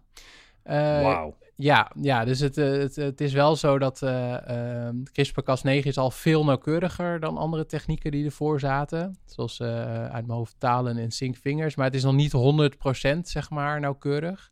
Dus je moet altijd, ehm, eh, altijd nog wel checken, zeg maar, of, of de, de knip en dan de, de, de nieuw stuk erin, of dat allemaal goed is gegaan. Maar we gaan wel naar een situatie toe waarin we bepaalde genetische aandoeningen, of waarvan we weten dat in de genen zit, dat we dat op deze manier kunnen verhelpen. Stel nou voor dat, dat, dat twee mensen verplicht worden vanuit de, de, vanuit de maatschappij of vanuit de re- regelgeving, wetgeving, dat ze hun DNA moeten geven. En als die twee personen een kind gaan krijgen, dan gaat dat ziek zijn, omdat die, datgene pakket van die twee bij elkaar niet goed is. Dan, dan, dan ga je misschien de verplichting krijgen dat je pas kinderen mag krijgen, als, als CRISPR ervoor heeft gezorgd dat je genen op orde zijn ge- gemaakt. Gaan we daar naartoe? Nou, in Of de dat de verzekeringsmaatschappij zegt, wacht even. je hebt niet je CRISPR genomen. Ja. Dus als je kinderen krijgt, ben je niet meer verzekerd. Nou ja, ik hoop niet dat het gaat gebeuren. Ehm, maar in een zekere zin is een. eh, eh, dus los, los zeg maar van inderdaad de invloed van de overheid en de zorgverzekeraar. Ik hoop niet dat we zover komen. Maar zeg maar dat, eh, dat heet dan pre-implantatie genetische diagnostiek. Eh, dat je als twee ouders zijn, zeg maar, en, je weet van bij een van beiden dat de kans hoog is dat je iets doorgeeft wat een effect heeft op de volgende generatie. Dan kun je dat al eh, bij, ook bij reageerbuisbevruchting, kun je zeg maar al van een aantal embryo's checken. Van, oh ja, die embryo is wel drager. Want het zijn allemaal verschillende combinaties hè, van genen. Dus van, eh, dan eh, pikken we die embryo uit. die- Wacht even, die embryo's zijn allemaal van dezelfde vader en moeder. ja, maar hoe ze eh, dan worden gemixt eh, Ja. binnen IVF, dat is wel elke keer verschillend. En dan pak je het beste embryo eruit. Ja, En ja, de rest precies. laat je... De rest, ja, dat is ook een hele discussie wat je daarmee moet, maar van wie dat dan is. Maar dat is nu allemaal volgens mij ingevroren en wordt op een gegeven moment ook vernietigd. Ja, in Amerika is er volgens mij al een staat waar, waar de discussie is gevoerd, of misschien is al helemaal klaar is. En dat er al een wetgeving onder ligt dat je dus die embryo's kwijt bent. Ah, ja, ja.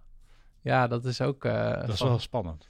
Ja, en dat raakt ook aan hele ehm, eh, politieke, maar ook misschien wel religieuze aspecten. Mhm. Van wanneer is iets leven en wanneer is iets een persoon? Is dat al als het een embryo is of na zoveel dagen? En daar, daar is in Nederland nu ook allemaal discussie over. Ja, want ja. bepaalde groep wetenschappers die willen... Ik zeg niet, weet niet of het 100% goed zeg hoor, maar in Nederland mogen wetenschappers zeg maar een embryo maken en dan vier, na vier dagen geloof ik of eh, vernietigen. En ze mogen ook weer onderzoek doen vanaf 28 dagen. En zij willen dat oprekken, maar bepaalde partijen die, ja, die zijn daar tegen, ook vanuit hun levens, eh, levensopvatting. Eh, dus ik denk dat, dat zeg maar dat, dat aanpassen, dat, dat, niet zo, nou, dat het niet zo snel gebeurt. Maar aan de andere kant is het al wel gebeurd. Want in eind 2018 zijn in China in ieder geval wel twee eh, beroemde... Dat, tijdens lezingen zeg ik wel eens van... eh, hè, dat zijn twee, twee baby's die toen ze waren geboren eigenlijk al een eigen Wikipedia hadden. Ik bedoel, dat zullen niet veel baby's hebben, afgezien misschien van Koninklijk Huis of zo. Eh, alleen ze hadden ook het woord controverse al in hun Wikipedia-titel. Namelijk Lulu en Nana. Zijn weer twee baby's die zijn geboren die als, embryo zijn aangepast, genetisch. Wat hebben ze aangepast?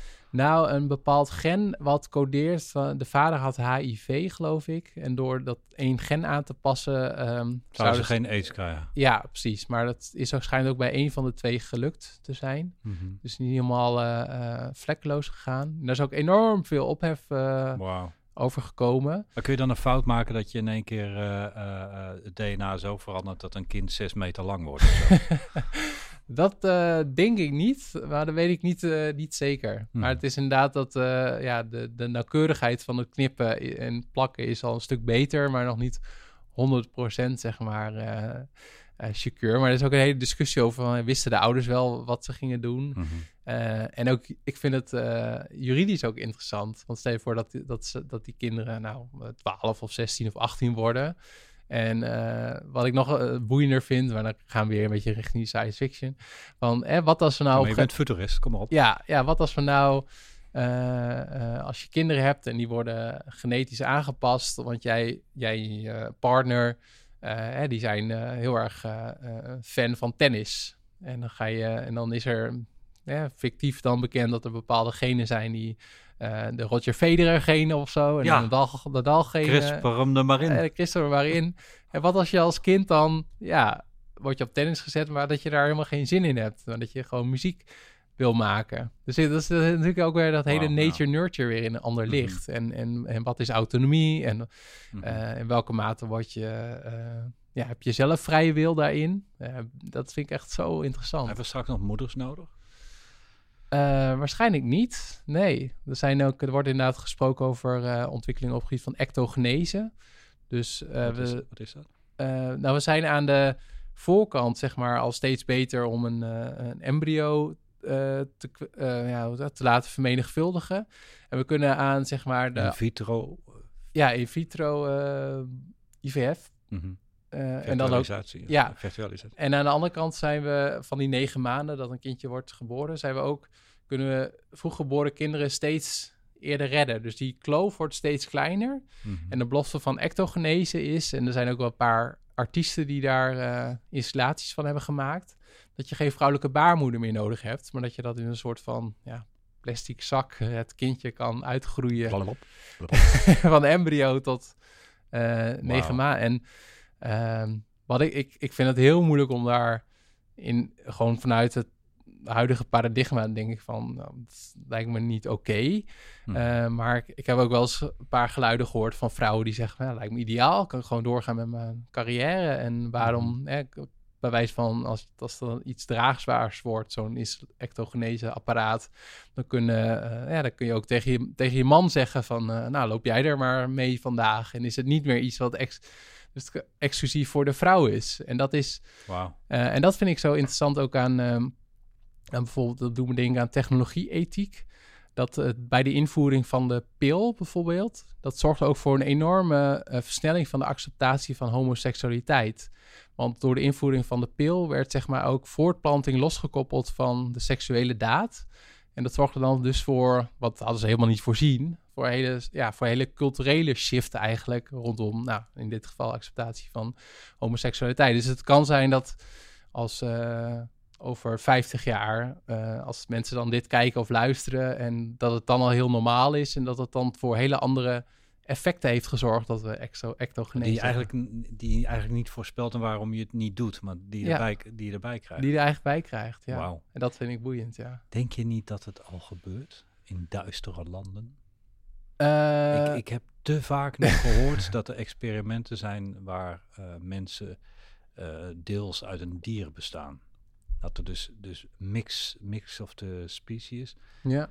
Ik kan het niet bewijzen, dus ik moet dan weer zeggen, I don't know, maar ik heb het te vaak gehoord. Oh, ja. Dat, eh, ik weet wel dat, dat eh, zeg maar, eh, september anno 2019, dat in ieder geval in Japan de wetgeving is aangepast. Dat heet dan inderdaad chimera's, deel mens, deel dier. En dat gaat in eerste instantie daarom dat ze heel geïnteresseerd zijn in het kweken van organen in dieren. Dus zeker een varken, die heeft 7,9% hetzelfde DNA, DNA als wij hebben. Dus er wordt ook gesproken over van kunnen we dan niet mensenharten en longen kweken in een, in een varken. Eh, en dan eh, zo genetisch aanpassen en dan weer bij een mens eh in, indoen. Ehm, en dat gebe- gebeurde ook al in China trouwens. Maar zeg maar, wat jij beschrijft, dat, dat is mij niet, niet bekend.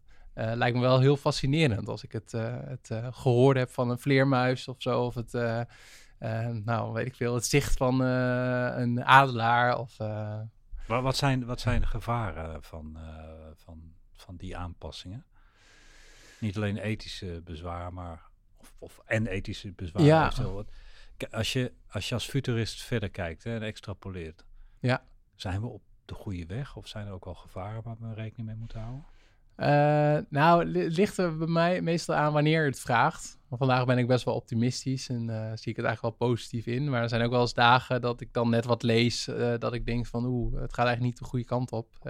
Om te starten met, met natuurlijk het, het klimaatprobleem. Maar mijn interessegebied en specialisatie zit, zit inderdaad in de extremere vormen van, van biohacking. Kun je daar En een voorbeeld van geven?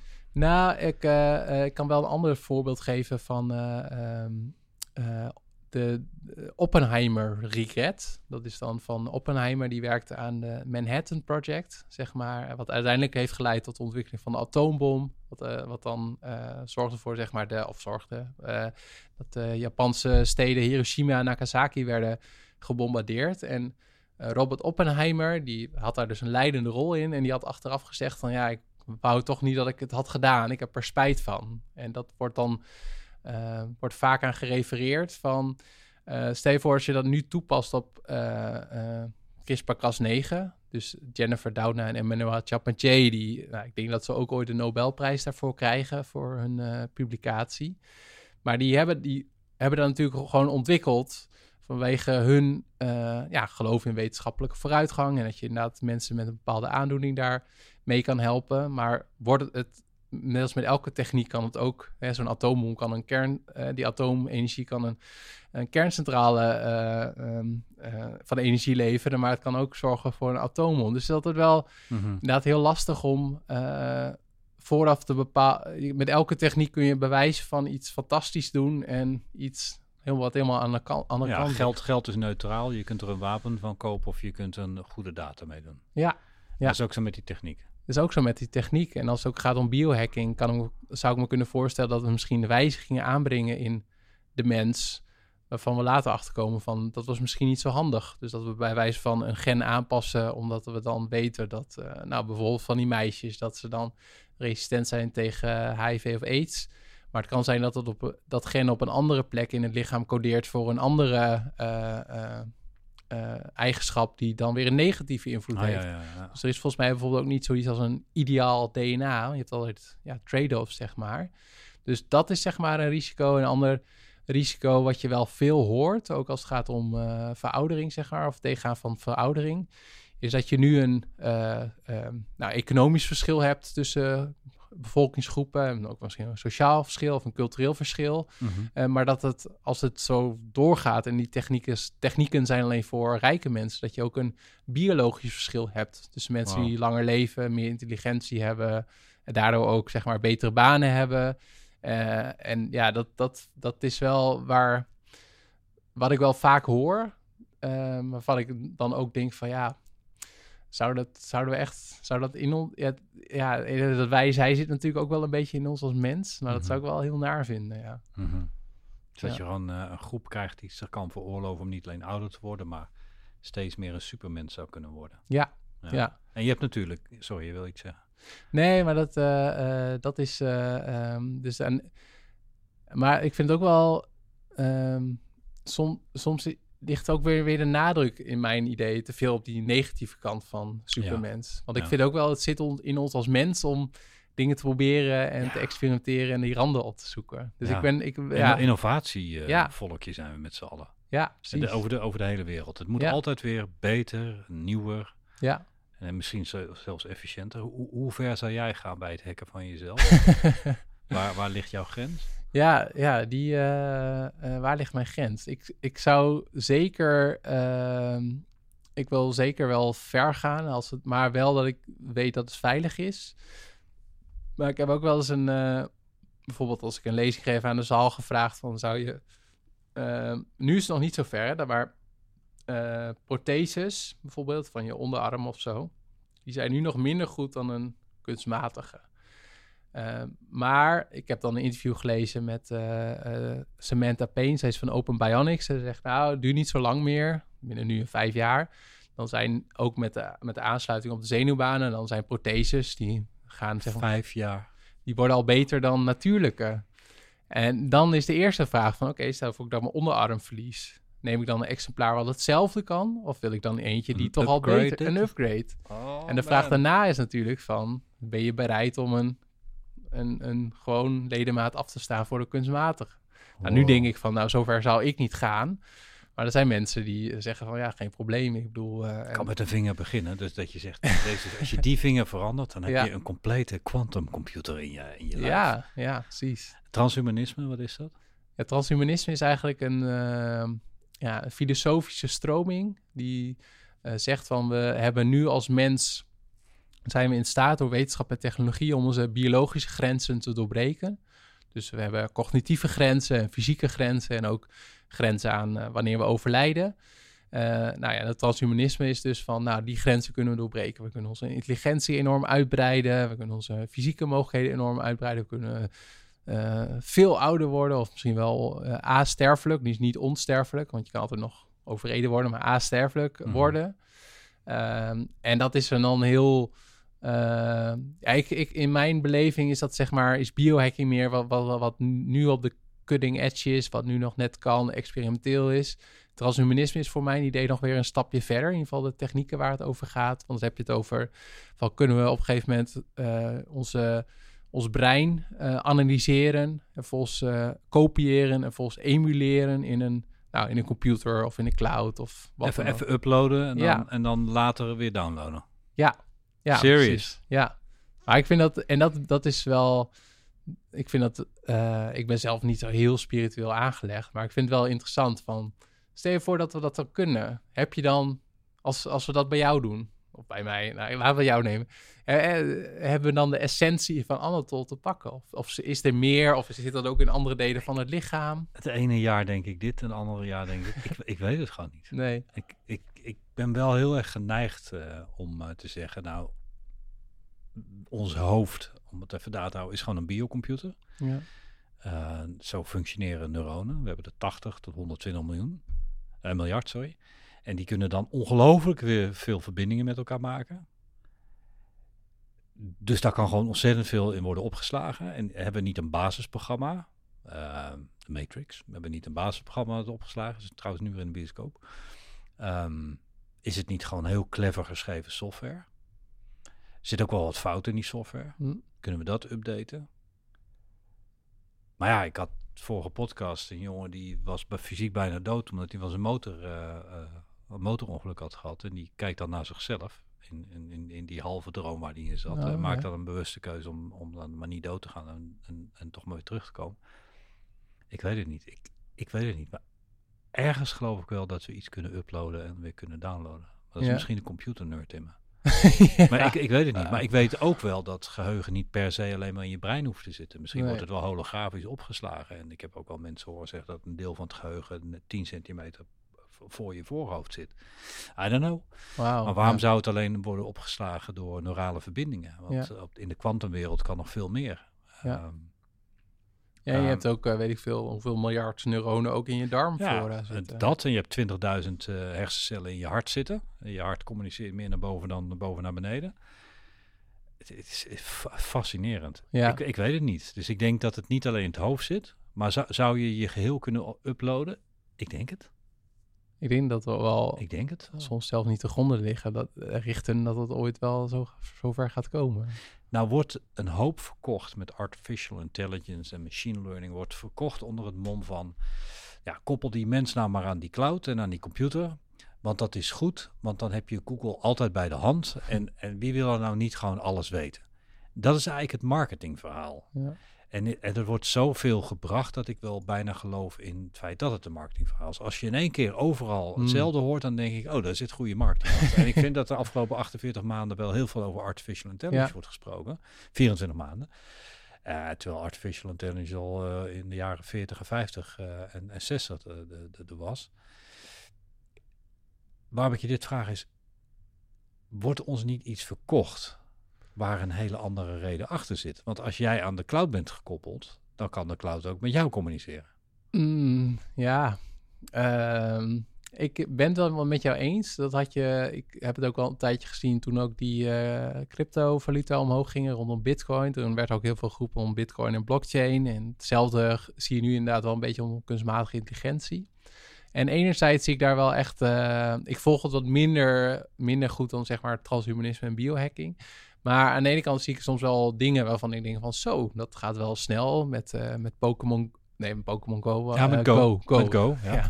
ja. en laatst ook met uh, een of andere Warcraft. Uh, of een, ook misschien, een, misschien ook al met online of met one-person shooters en dat soort dingen. Dat de computer het zichzelf aanleert door ja. middel van machine learning en ja. artificial Ja, dat het gewoon zelflerend is. Dat bij wijze van, nou volgens mij soms nog niet eens de instructies krijgt, maar gewoon van, nou, vogel het maar uit. En dat het dan vanzelf zeg maar tot een strategie komt en dan veel sneller kan leren dan wij. Oh, niet ongelooflijk. Uh, maar aan de andere kant, inderdaad, soms denk ik ook wel van het wordt ook wel achter een heleboel dingen, wordt dat label opgeplakt. En misschien omdat het dan ja, beter verkoopt of zo. Ja, ja, ja. Uh, dus hier is het ook weer dat ik uh, niet helemaal zeker weet. Op sommige domeinen gaat het inderdaad enorm rap. Me mede doordat we steeds meer data hebben en ook steeds meer processorfunctionaliteit om die, die GPU's, hè? Om die, ja, om dat te analyseren. Videokaart, ja. Maar of er dan echt ook een fundamentele verbetering zit in het gedachtegoed of de basis eronder, dat, uh, dat weet ik niet. Maar ja, mm -hmm. misschien kan de quantumcomputer daar weer ons uh, bij helpen. ja, wij zijn een quantumcomputer. Uh, ja, is het zo? Ja, dat, dat dacht ik. Ik heb iemand horen zeggen van een computer werkt met 0 en 1, wat je in het begin al heel mooi aangaf. Maar als je heel diep in de biologie duikt, dan functioneren de, de, de, de cellen en zo veel meer op, op, op het niveau van kwantumfysica. Mm. En zoals een computer werkt omdat ik heb een vorige podcast proberen uit te leggen. En dat is niet gelukt. Dus ik nog een keer. Poging. Je hebt wit en je hebt zwart. Ja. En dat is een 0 of een 1. Of een 1 en een 0. Um, dus iets kan wit zijn of zwart zijn. Maar een qubit kan al die grijstinten daartussendoor ook hebben. Eén voor één, maar ook nog eens tegelijkertijd. Oké, okay, uh. nou ben ik hem kwijt. Do not ask any further. maar wij zijn niet zozeer een digitaal systeem, wij zijn een analoog systeem. Het, is, het, het, het zijn verschuivingen. Net zoals je een, een, een, een, lichtmeter hebt. Ja, ik zeg het met overtuiging, maar ik weet ook niet of het waar is. Maar je, met, een, met een lichtpotmeter, of hoe noem je zo'n ding, kun je je licht dimmen. Oh, ja, ja. En, en wij hebben gewoon de knop aan en uit. Ja. En computers aan en uit. En dan heel veel aan en uitjes. En, en de quantum computers en, en, en, mensen zijn veel meer analoog. Dus die hebben al die, die tussenwaarden, waardoor je veel meer informatie kan opslaan dan alleen die 0 en die 1. Ja. Maar ja, verder kom ik uh, niet dan dat. Nee, maar intuïtief resoneert het wel wat je nu zegt. Maar inderdaad, dat is ook gewoon puur gevoel. En dan is weer de vraag, is dat dan gevoel? Ja, is dat, ja, goed, ja, poeh. Ja, heftig. Ja. ja, ik weet het ook niet. Ik heb nog een paar kleine vragen. Uh, ja. over grote onderwerpen. Oh jee, ja. Um, Kun jij iets meer vertellen over levensverlenging? En dan bedoel ik de, de praktische tips waarvan de wetenschap nu denkt dat de kans vrij groot is dat het levensverlengend is. Ik heb zelf me ingelezen in de resveratrol. Ja. Uh, um, dus er zijn veel onderzoeken met, met muizen geweest, dat muizen aanzienlijk ouder worden als je ze resveratrol geeft. Ik heb niet veel, uh, veel onderzoeken die dat tegenspreken gelezen, dus misschien is er ook een nuance die ik niet ken. Dus ik dacht, weet je, ik neem gewoon een multivitamine, doe ik al jaren. Ik, ik neem ook een omega-3 en een 6 en een 9 en zo. ik doe er wel even resveratrol bij. Ja. Ik heb nog wat andere dingen, vitamine A, vitamine D. Dus ik heb een halve hand vol met pillen. ja, en ik weet niet of het werkt of niet, maar eh, ik neem niet het risico om er later achter te komen dat het wel werkt. Nee. Kun jij een paar uh, uh, stofjes aangeven of tipjes geven waar, waarvan de wetenschap denkt, nou, daar zou je wel eens wat langer door kunnen leven? Nou, dat resveratrol heb ik ook uh, uh, gelezen. En ik ben daar zelf niet zo heel strikt in. Dat ik, soms neem ik het weer een tijdje wel en niet. Dus eigenlijk is dat ook niet goed. Maar goed.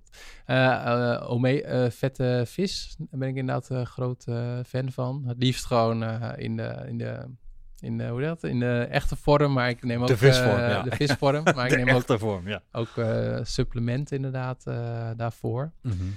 Um, en ik heb laatst ook iets gelezen, maar nu zeg ik het, maar ik weet de onderbouwing daar niet, niet 100% van. NAD+, dat heeft ook te maken met zeg maar de, uh, volgens mij de aanmaak van, of de energieproductie in de cellen. Dus je cellen maken ATP en dat kun je ook dan weer bevorderen met uh, uh, NAD+. En er wordt ook wel veel, eh, worden nu, dat is volgens mij al wel bij muizen aangetoond, maar wordt nu ook bij mensen onderzocht. Maar onderzoek bij mensen is altijd heel lastig. Hè? Wat is nou het effect van wanneer je overlijdt of wanneer je zou overlijden? Maar dat is eh, rapamycine en metformine. Dat zijn eh, twee middelen waar onderzoek naar wordt gedaan. Eh, maar de allerbeste manier om, eh, om langer te leven, dat is eh, helaas niet sexy. Maar dat is al wel bewezen, is calorierestrictie. Maar dan eh, schijnt ook echt extreme eh, calorierestrictie te Kun zijn. je dat in eh, eh, iets minder Eh, dure taal uitleggen? Ja, dat is als je, eh, nou weet ik veel, normaal eet jij iets van eh, 2000 kilocalorieën per dag. Eh, maar dat zorgt er ook voor dat je genoeg energie krijgt, maar daardoor staat je verbrandingsmotor ook hoger. eh, waardoor je ook meer uitlaatgassen en, en, en roest krijgt, zeg maar, in je systeem. Eh, en op het moment dat jij, zeg maar, minder eet, dan gaat alles een, een, een, een, een standje lager. Maar is ook je je uitstoot en je roestvorming en je rommelvorming is ook minder. Dus er is uit mijn hoofd, laat ik zeggen dat je eh 1250 kilocalorieën per dag eet. Dus je gaat echt een stuk minder eten. Is dat een perm- permanente staat van hongerigheid? Eigenlijk wel. en ja. dan word je ouder? Ja. Wow, En, en, dus dat is ik- bewezen. Ik heb laatst ook een artikel gelezen dat iemand zei van... eh, je wordt ouder, maar het, het- de dagen lijken ook langer. Want je bent, voelt je gewoon de hele dag miserabel. Eh, maar metformine of rapamycine, die, die, eh, die is een soort van hek daarvoor. Dus dat Mhm. wordt nu inderdaad ook eh, eh, door sommigen onderzocht van, of geprobeerd. En dat vind ik wel, dat, vol, dat doe ik zelf niet, maar ik vind het interessant om te volgen. En wat nog wel een hele leuke is, en die haal ik soms wel aan in mijn lezingen, is bij, het is ook bij één of twee studies aangetoond dat als je, hadden ze oude muizen, hadden ze het bloed gegeven van jonge muizen. En dat zorgt ook voor een levensverlenging van die oude muizen. En er, was dus ook een bedrijf in Amerika. Daar kon je dan 1 liter jong bloed kopen voor 4000 dollar. En 2 Serieus? liter voor 8000 dollar of zo. En dan dat- liggen gewoon kleine kindjes waar eraan getapt wordt. Ik heb zo'n beeld erbij. ja, Ah, Help me uit dit enge beeld. het heeft later inderdaad ook nog de comedy show, eh, daar heb ik ook nog een stukje van gezien, comedy show Silicon Valley gehaald. Want dat is natuurlijk, eh, al die mensen hebben genoeg geld, die vinden dat. Mhm. maar dat is, maar daarvan weet ik dus niet of dat, dat klopt. Maar ik, ja, ik- Maar bij muis is het aangetoond dat Ja. als je een oude muis jong bloed geeft, Ja. van een jonge muis. ja van een ouder jong, wordt. ja, ja, precies. Wauw. Ja, Wauw. ja. Dus, eh, maar ik, ik hou het zelf inderdaad bij, eh, eh, bij ook een multivitamine en de omega, visolie. En s'avonds magnesium en voor de rest veel groene bladgroenten. En probeer ook inderdaad niet te veel te eten. Ehm, dus en genoeg te bewegen en zo. Dat eigenlijk alle experts die ik erover heb gesproken, die zeggen van het is zo'n beetje de, de adviezen van oma bij wijze van. Toch weer terug naar Toch eh, weer terug, eh, ja, precies. Ja. Met de kippen op stok, op tijd naar bed. oh ja, dat was het. en dan eh, iets waar ik veel mensen over hoor spreken is intermediate fasting. Oh ja. Kun je daar iets over zeggen? Weet je daar iets van? Ja, dat hangt eigenlijk al, heeft wel te maken met, nou, waar we het helemaal in het begin van het gesprek over hadden, van sommige oplossingen zijn helemaal niet zo hoog technologisch. Maar dat eh, intermittent fasting of intermediate fasting of periodiek vasten gaat er eigenlijk vanuit dat je eh, dat, dat vroeger wij als oermens, en dat komt ook een beetje het paleo-dieet vandaan bijvoorbeeld, dan hadden we niet zeg maar 's ochtends een ontbijt, 's middags een lunch en 's avonds avondeten en nog later een snack. Maar dan had je één keer per dag wat of had je drie dagen niks. Als er Of, wat gevangen was. ja, precies. En dat ons hele systeem eigenlijk op basis daarvan geëvalueerd is. Dus dat eh intermittent fasting is, eh, en ik doe dat soms ook, nou, ik doe drie, vier keer per week, denk ik. Dan sla ik een ontbijt over of ontbijt en lunch over. Soms eet ik een hele dag niet. Ehm, gaat gewoon om die, die prikkel te houden. En, eh, ehm, eh, nou ja, en je krijgt ook minder calorieën door. Dus misschien is het dan ook weer een vorming van Mhm. dat ik daardoor hoop langer te leven. Wauw. Je hebt ongelooflijk veel mensen gesproken. Je hebt onvoorstelbaar veel YouTube-filmpjes gekeken. je, hebt, je hebt een boek geschreven. Je doet ongelooflijk veel lezingen. Ehm, en je bent genuanceerd, daar hou ik van. Dus af en toe zeg je eh, eh, van nou, er is wel een onderzoek. Als je dat allemaal bij elkaar optelt, komt de onmogelijke vraag. Zou je dan een top 5 kunnen vormen waarvan je zegt, nou, deze dingen heb ik toch vaak gehoord. Eh, ik doe het te kort als ik zeg deze vijf biohacks. zouden de kwaliteit van het leven van iemand in Nederland nog wel eens kunnen verhogen? Je hebt er al een paar gegeven, maar zou je, zou je nog eens hardop kunnen nadenken? Dat is een vraag. En daarna wil ik met je eh, nog een klein beetje filosoferen over hoe jij de toekomst ziet. Ja. Daar kan je je onbewuste mind alvast over Oh opbouwen. ja, precies. Ja. Wat, wat zijn nou vijf quick wins? De low-hanging fruit. Ehm, De ultieme biohacks. Ja, ja, dat is. eh, ik, eh, kijk, ultieme. eh dus aan de ene kant, de ultieme biohack zou ik zeggen, dat is dat, dat magnetisme om beter te slapen. Of die binaural beats voor meer focus. Dus ik zou die twee wel opnemen, omdat het gewoon een leuke cutting edge techniek is. En relatief makkelijk. En relatief makkelijk. Misschien, volgens mij, dat apparaatje is nog wel eh 200, 300 euro of zo. Dus het is niet, zeg maar, super goedkoop. Mhm. Ehm, iets anders wat ik al een cutting edge biohack vind is eh, ehm, eh, TDCS. Dat is een, eh, doe je eh, op je, op je her- hoe heet dat hier? Ehm, Slapen. op je slaap kun je dan een zwak stroompje zetten. En dat heeft dan ook, ik weet niet of dat ook al op de hersengolven werkt of een andere werking heeft. Maar dat wordt ook weer door het Amerikaanse leger onderzocht om ook de snipers te helpen om beter te schieten. Omdat ze dan ook meer sneller in, inderdaad in een, in een staat van, van focus komen. Nou, met al je gadgets, ik dacht, dat- die lijkt er wel een beetje op. Maar daar moet je een beetje aan denken. De zwakstroom op je brein. En dat, ik doe er trouwens zes. Dacht ik van, nou, drie zeg maar aan de cutting edge kant. En drie denk ik wat... Van eh, oma. Van oma, dus gewoon inderdaad let op je slaap. 7, Eh, 8 uur. 7, 8 uur. Voor, 12 naar bed. voor Maakt 12 niet naar uit. bed. Toch ja, wel. Ja, Ja. ja. liefst eigenlijk nog wat eerder. Dat zei oma. Voor 10 of zijn de uren, uren dubbel. Oh ja, voor, voor 11 waren de Oh, uren voor voor 11 bij dubbel. mij in ieder geval, ja. Eh, en eh, veel wandelen. Dus volgens mij kun je beter, zeg maar, eh, gewoon eh, gemiddeld eh, veel op lage intensiteit bewegen dan de hele dag achter je bureau zitten en dan in de auto naar de sportschool en dan een workout doen en dan weer thuis op de bank. Maar Mhm. liever dat je bijvoorbeeld wat meer loopt of fietst. En het derde waar ik in ieder geval ook wel veel aan heb gehad is, en jij zei dat je het af en toe doet, mediteren. Ik Ja. merk dat dat wel positieve invloed heeft op, eh, ja, op mezelf, op mijn gemoedsrust, op mijn focus, op mijn ontspanning. Ik doe het 10 minuten per dag. En ik gebruik een app daarvoor van eh, Waking Up heet die, van Sam Harris. Oh, Sam Harris. Goede podcast ja, ook. goede podcast. Doet altijd pijn aan mijn hersencellen. ja, ik ook. Die vent hyperintelligent. Ja, ja, Ja. dat is gewoon eng om eh, en bang van te worden. Nou, maar ja. ja. die drie. Oké. eh, Nou, duidelijk. En hoe zie jij dan, eh, ja, even een rotvraag, maar ik ben er echt benieuwd naar. Hoe zie jij naar die optelsom van al die informatie en al die mensen en, jouw eigen nuance? Hoe zie jij de komende 10 of 15 jaar?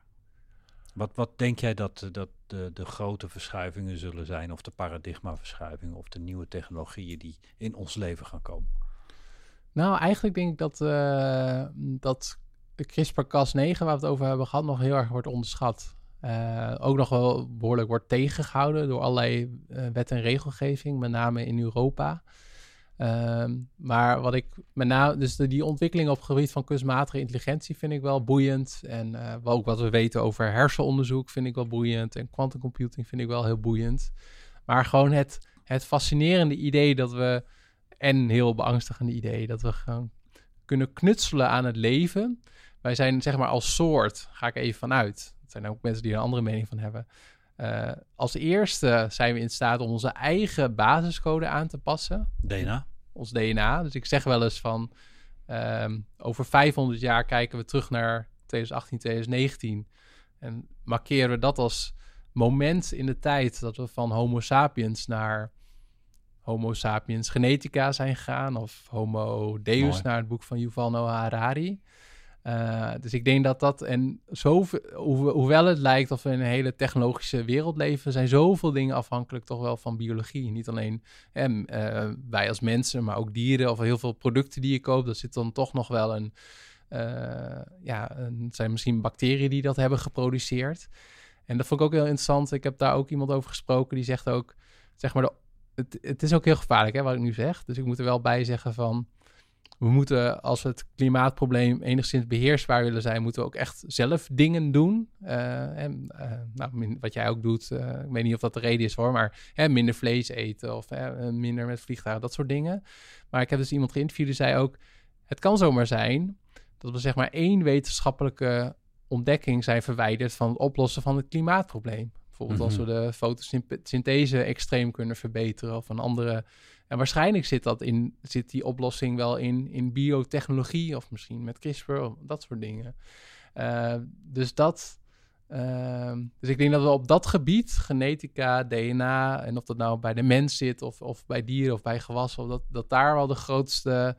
eh, en naar mijn idee eh, heeft niet iedereen dat. Misschien zit ik ook helemaal naast hoor, maar heeft niet iedereen dat, dat even scherp. En die ligt de focus wel heel erg inderdaad op die kunstmatige intelligentie en meer die, die echte techniekkant. Terwijl ik denk dat we op het gebied van biotechnologie, dat daar veel meer spannende dingen gebeuren. Mhm.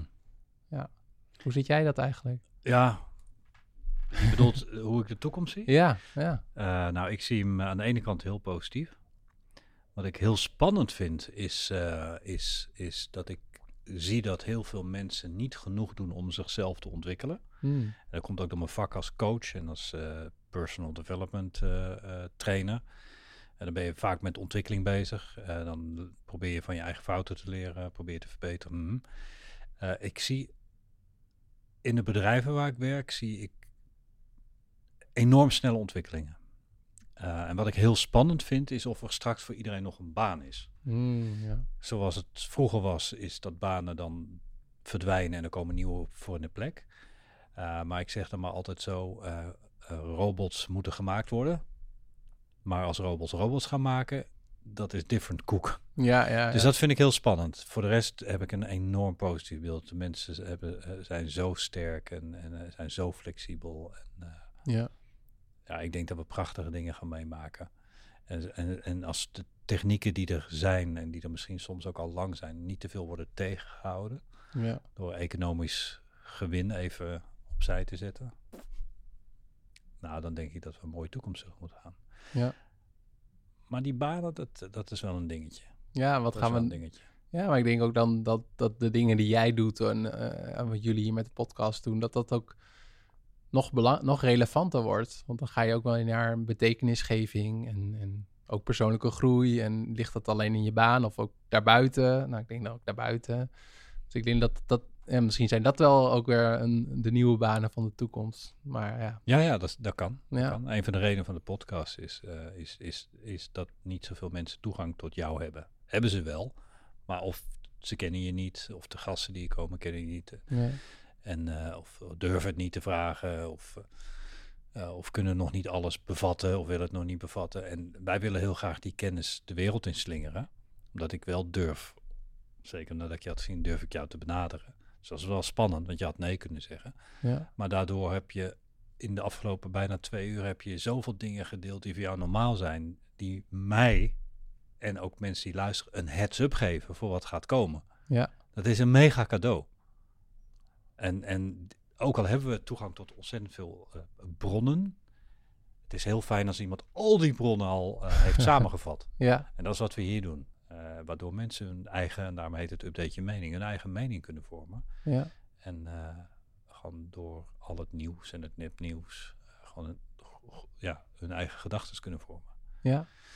Um, het is een beetje gezapige vraag, maar het, het, het brandt wel. Heb je nog een boodschap voor de luisteraar? Oh, een boodschap. Ik vind het helemaal geen uh, gezapige vraag. Uh, nou, ik, mijn boodschap zou zijn. Uh, ja, als je benieuwd bent naar de toekomst of naar nieuwe technologie, dan denk ik dat het al supergoed is dat je naar dit soort gesprekken luistert en misschien ook naar andere podcasts en dat je boeken leest en documentaires kijkt en, en daar met anderen over hebt. Maar wat ik heel erg heb gemerkt in de afgelopen tijd, want ik ben ook echt wel een boekennerd en hier staan ook allemaal boeken. En ik denk, wauw, tof. Maar dat uh, wel de beste manier om, om dingen te leren is om het echt, uh, heel cliché, om het wel te doen. Dus ik, uh, bijvoorbeeld met die CRISPR wat je zei, nou, ik heb dan ook in een, in een laboratorium dan ja, een soort van voorloper daarvan gedaan, want dat mag wettelijk niet in Nederland. En dat gaf me toch wel, ik had er heel veel over gelezen en mensen over geïnterviewd, maar toen ik dat echt deed, in een lab kreeg ik daar toch wel nog meer gevoel en context en dat soort dingen bij. Onderzoek zeg je dus. Ja, onderzoek, experimenteer, probeer. Uh, ja, ga erop uit. Dat, uh, dat zou nog mijn, uh, wat zei je, een boodschap of missie? Dat zou, dat zou het zijn, denk ik. Ja, Dankjewel. graag gedaan. Heel tof. Update je body, mind, spirit en skills in onze gratis kennismakingsworkshop. Ga nu naar newlifeuniversity.com slash workshop. Kijk naar de podcast op ons YouTube-kanaal New Life University en abonneer je.